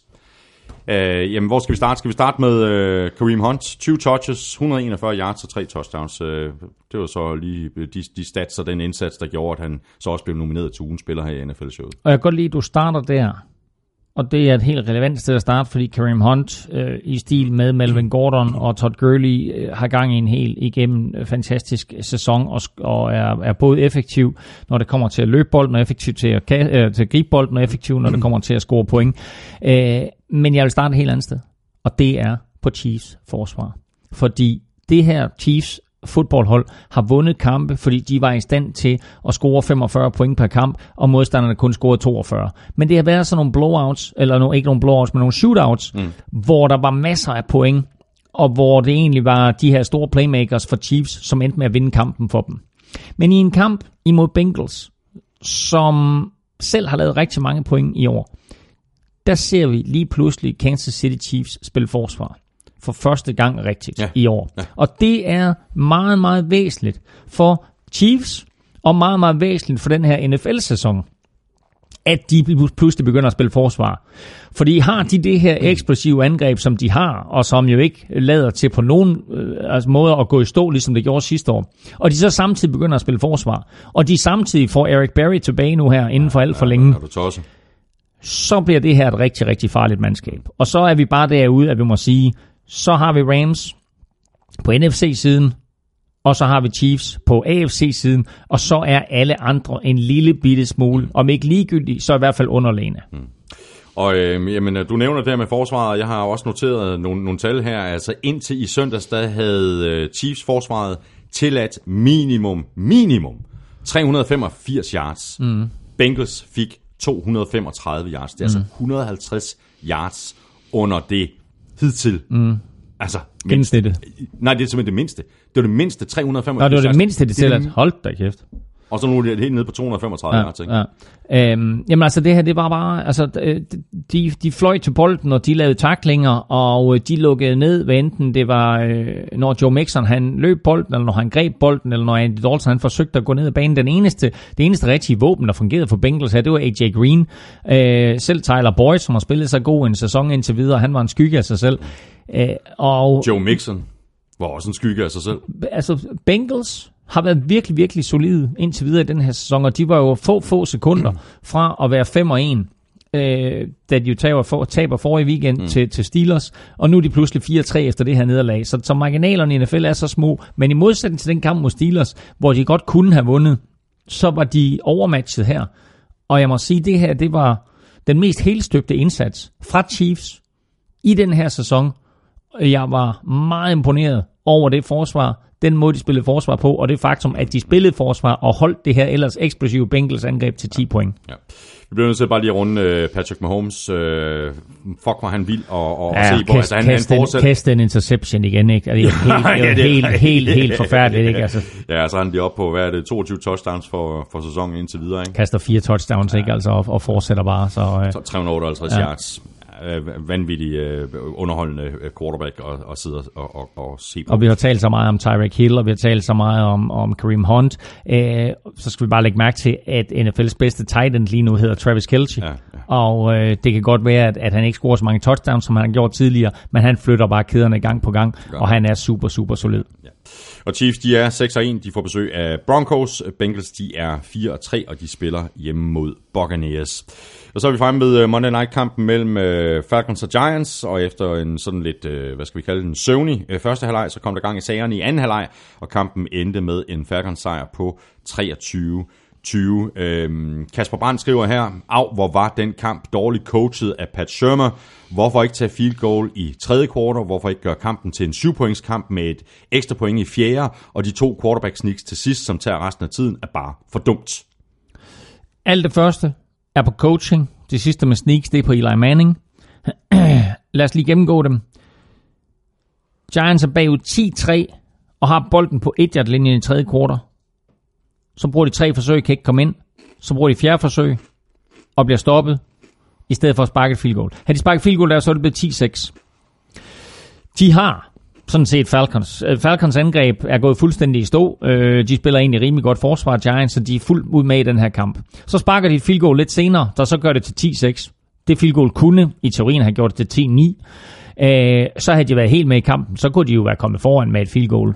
Øh, Nu ender kampen så på en anden måde, fordi øh, Falcons så pludselig finder deres angreb i fjerde kvartal. Men når du er så tidligt, som du er der i kampen, så skal du selvfølgelig sparke det field goal. Jeg ved godt, at, at Giants de gerne vil have det touchdown der, og, og de har Saquon Barkley, de tror, de kan hamre den ind for etteren, men det lykkes dem ikke. Så i fjerde kvartal kommer, øh, kommer Matt Ryan tilbage på, på niveau og i det tempo, som vi kender ham, og Julio Jones griber sine bolde, og Bare ikke Øh, touchdown.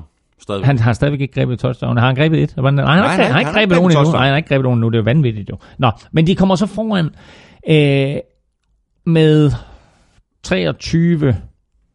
Øh, hvordan er det? De kommer foran... De kommer foran 23...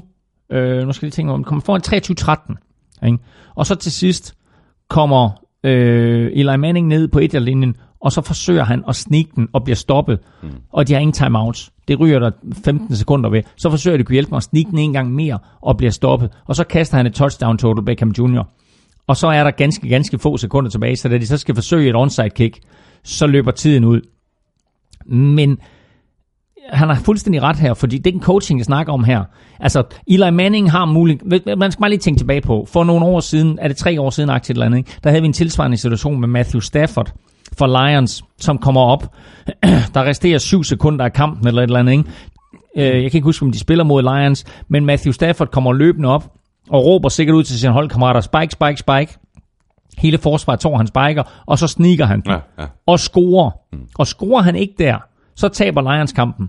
Og alle folk siger bagefter, ej hvor er det genialt, og hvordan turer du? Her forsøger Eli faktisk det samme, men bliver stoppet. Ikke bare én gang, men to gange. Og så er han pludselig en skovl. Mm. Scorer han, så er det genialt.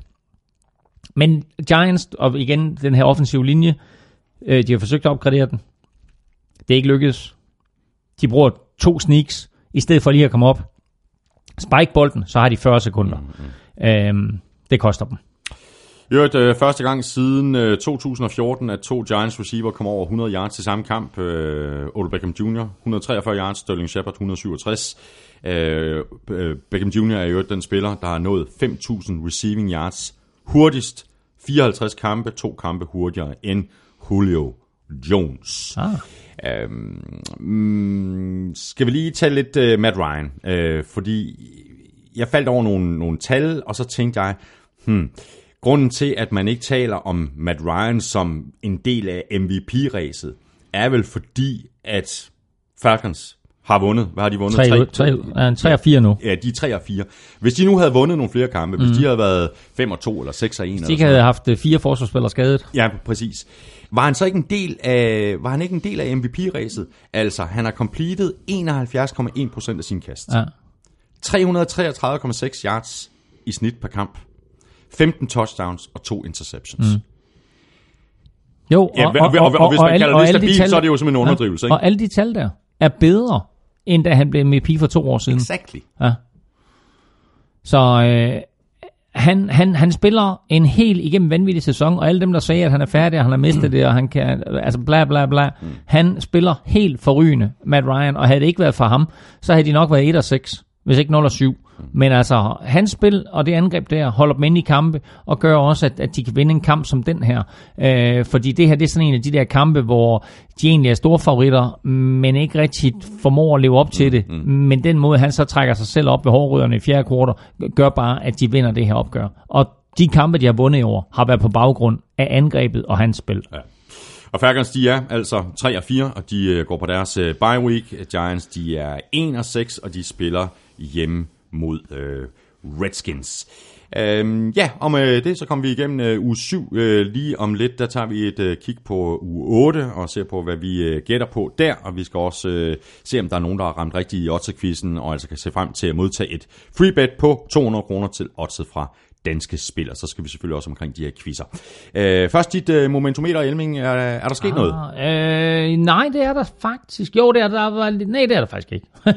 det er der, ikke, det, det er der ikke noget, fordi... Nå, men så, så, øh, så vores lyttere, de skal bare genhøre øh, sidste uges øh, Ja, men der, der, der, er ikke, altså, der er ikke sket noget i top 5, fordi alle fem topklubber vandt. Så det hedder stadigvæk øh, Rams øverst, med Patriots 2, og med Chiefs 3, med Saints 4, og med Chargers 5. Og så vil jeg dog sige, at Vikings øh, de bevæger sig ind på 6. pladsen. Så de ligger altså lige uden for top 5, de lille helte. Mm-hmm. Og i bunden skete der heller ikke noget, fordi alle bundklubberne, de også tabte. Ja. Så det er stadigvæk med Oakland Raiders nederst. Jamen, øh, fantastisk.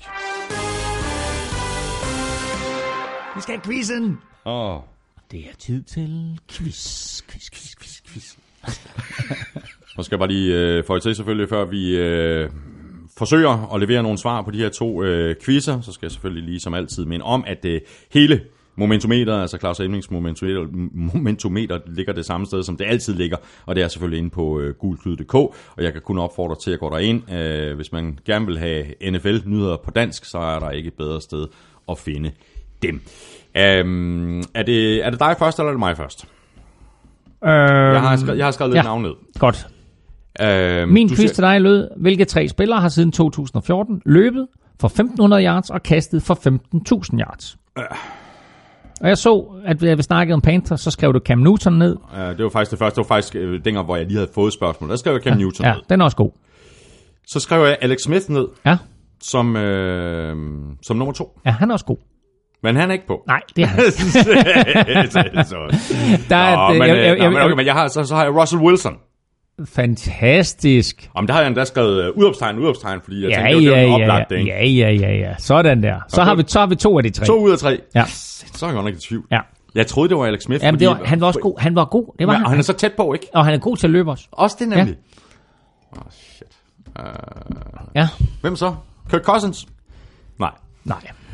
Andy Dalton? Nej. Nej. Aaron Rodgers? Nej. Nej. ben Roethlisberger har altid været god til at scramble. Hallo? Ben Roethlisberger? Nej. Nej. Ja. Who is it? Number Ja. three?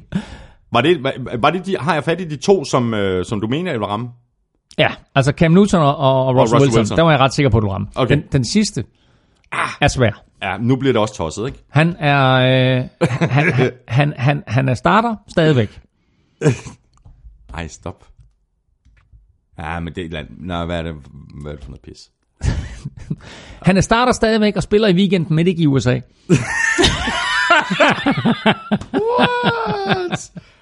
Hvad? Nej, det kan jo ikke passe.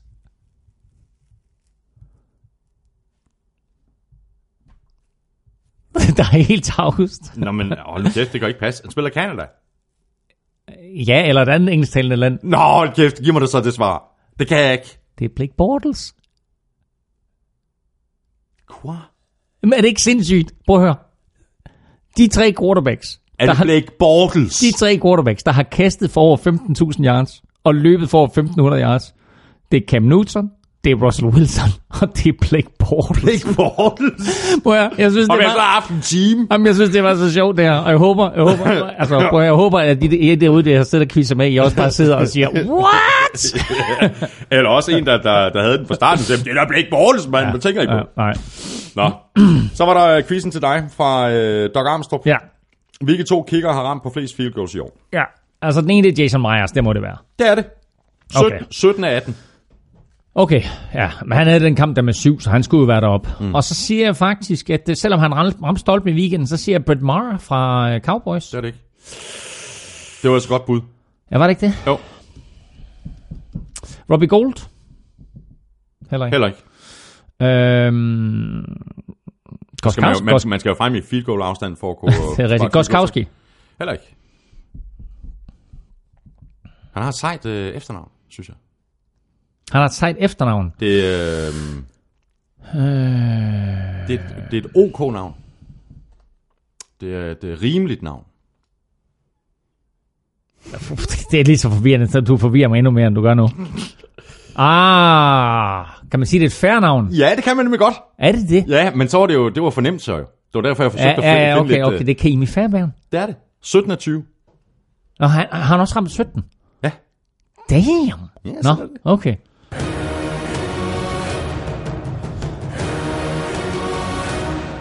Og så er vi fremme ved øh, Odds-quizzen, hvor du jo hver uge har chancen for at vinde øh, sådan et freebet på 200 kroner til Oddset fra Danske Spil. I sidste uge, der var der 6, der ramte rigtigt.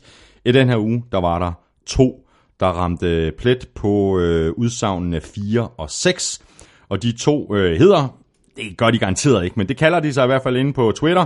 Den ene hedder Bobo the Black Banana, og den anden hedder Spitfugl. Sådan. Så øh, nu skal I så bare sende mig en øh, direkte besked på Twitter med jeres mailadresse, og så sender jeg til gengæld øh, freebets den anden vej, og så har I hver især 200 kroner at øh, gå bananas for inde på øh, Oddset for Danske Spil. Og vi lægger en ny Oddset op i eftermiddag på NFL Shows Twitter-profil. Deadline er søndag kl. 18. Vi går jo fra øh, sommertid og så til, øh, til normaltid, så det er en time tidligere end ellers. Så du øh, deltager ved at svare på det tweet, hvor Otterquizen er vedhæftet, og så skriver du ellers din bud og afslutter med hashtag Otterquiz. Der er kun to krav til det her. Du skal være 18 for at deltage, og så skal du, hvis altså du vinder, placere hele beløbet på et spil inde på Otter fra Danske Spil.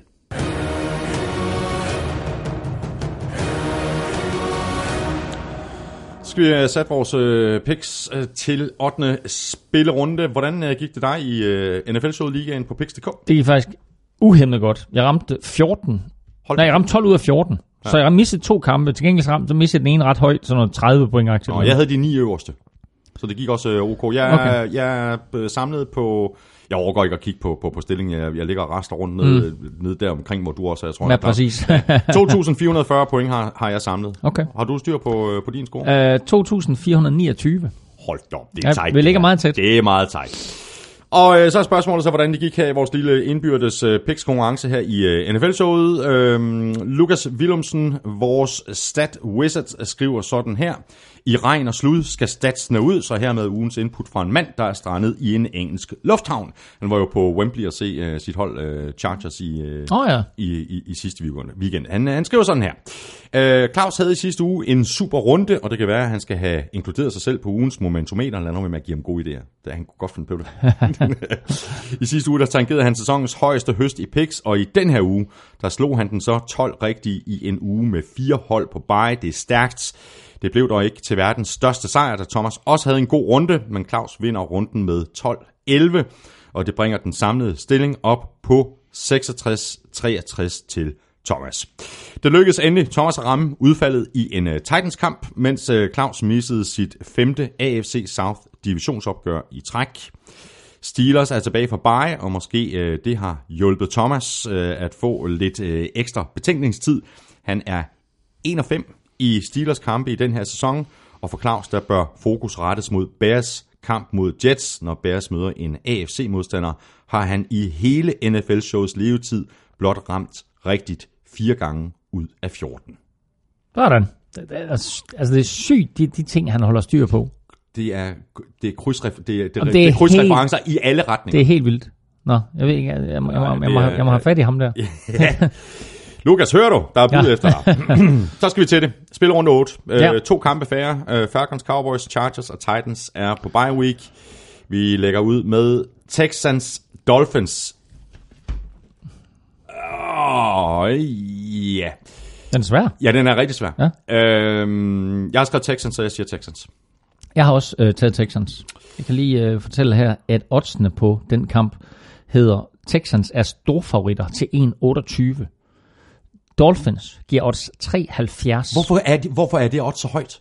Jeg er meget i tvivl om den Det er, for, kamp. det er fordi Texans har vundet fire kampe i træk. Ja, ja, det er og. Dolphins har nogle spillere skadet ja, og sådan noget. Ikke? ja, ja. Men den kamp er altså bør blive meget, meget tættere end det, og ja. Dolphins har en god chance for at vinde den. Så odds 73 på Dolphins Det er altså godt odds. virkelig, virkelig godt. Ja, det er det. Så har vi øh, Jaguars Eagles.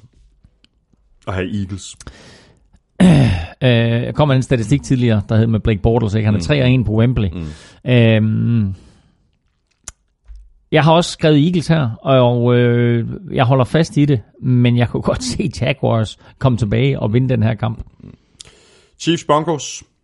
Chiefs. Steelers Browns. Steelers. Steelers. Giants Redskins. Jeg har Redskins, men jeg er meget i tvivl. Nu skal du høre, jeg har også Redskins, og Redskins er en af de bets, jeg gerne vil anbefale den her uge, fordi Redskins giver 1,97. Det er en meget, meget tæt kamp. Altså, bookmakerne og dansk spil siger 1,92 på Giants og 1,97 på Redskins. Jeg er ret sikker på, at Redskins er et bedre mandskab end Giants. Og ja, det er i øh, New Jersey på udebane og så videre, men jeg tror Redskins, de vinder den her kamp. Det er et NFC East opgør. Det er super, super Ja, vigtigt ja, for det dem er det, ja. at vinde den her. Så vidt jeg lige husker, så går Redskins på bye, altså ikke i den kommende weekend, men ugen efter. Mm. Og hvis de kan være 5 og 2, når de går på bye, det vil være helt fantastisk.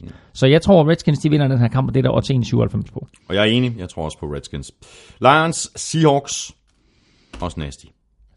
Jeg siger Lions. Øh, ja, og det kan jeg godt forstå. Øh, jeg siger Seahawks. Og igen vil jeg lige komme med en anbefaling her. Fordi Lions skamrost er lidt tidligere. Seahawks, synes jeg, har fundet deres egen identitet. Det er lige siddet over. Øh, og jeg tror faktisk, at det, det er sådan et hold, som vi skal være en lille bitte smule påpasselige med. Den her kamp er mellem to klubber. Lions og Seahawks.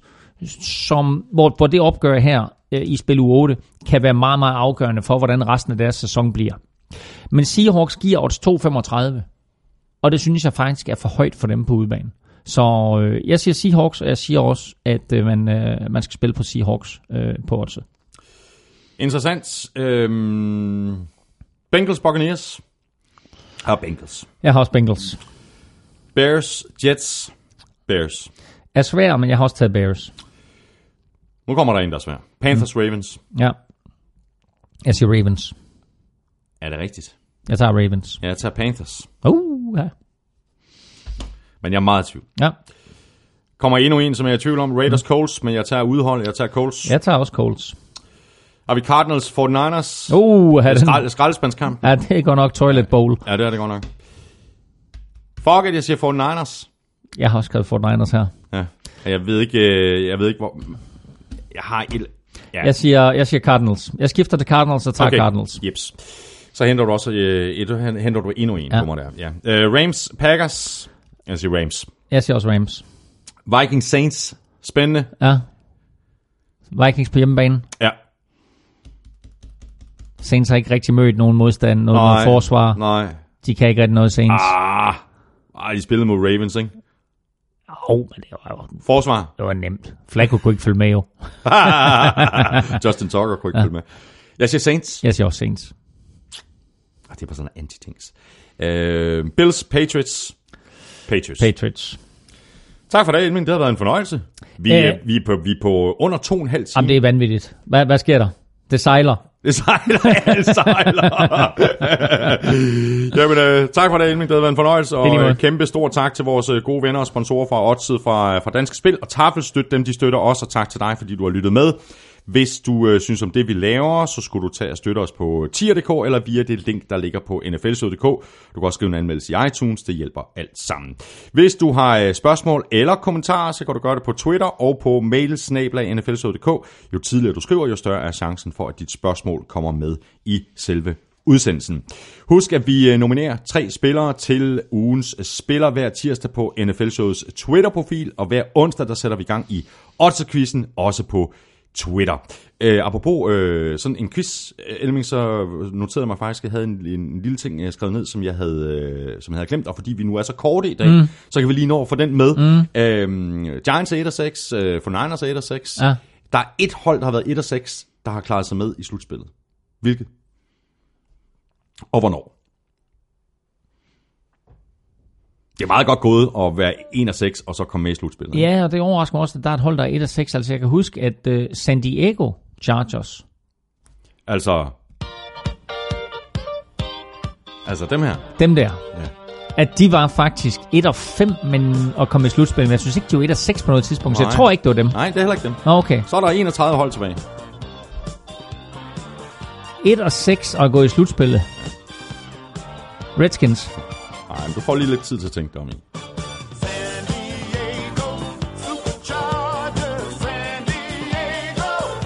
Chargers! Ved du hvad? Øh, Jeg giver for tabt. det er, de spiller sådan nogle skriver, tror jeg. Det er nogle tiger, de er farlige. Er det rigtigt? Bengals? Det er Bengals. 1970. 1 af Der var 6 de 1 og 6 og gik i slutspillet. og gik i slutspil. Wow. Ja, og det var en dag i en 14-kamps sæson. Ja, det er imponerende, ikke? Ja, så hvad, så, så de endte hvad, 8 og 6 eller hvad, eller Det må de vel nærmest have gjort. noget i den retning? Ja, Nå, et eller andet. crazy. Ja. Nå, Det var det sidste Jamen, crazy for i dag. fantastisk. Det var, det var crazy. Ja. Følg, øh, følg Elming på Twitter på snablag NFLming. Mig kan du følge på snablag Thomas Kvartrup. Tak for nu. Vi høres ved. NFL-showet er produceret af Kvartrup Media, der også producerer Born Unplugged, der handler om dansk politik. Fader Henrik og jeg er tilbage på fredag efter en lille efterårsferie i sidste uge. Elming og jeg holder aldrig ferie. Vi er tilbage næste onsdag med mere amerikansk fodbold. Ha' det godt så længe. Hot hot.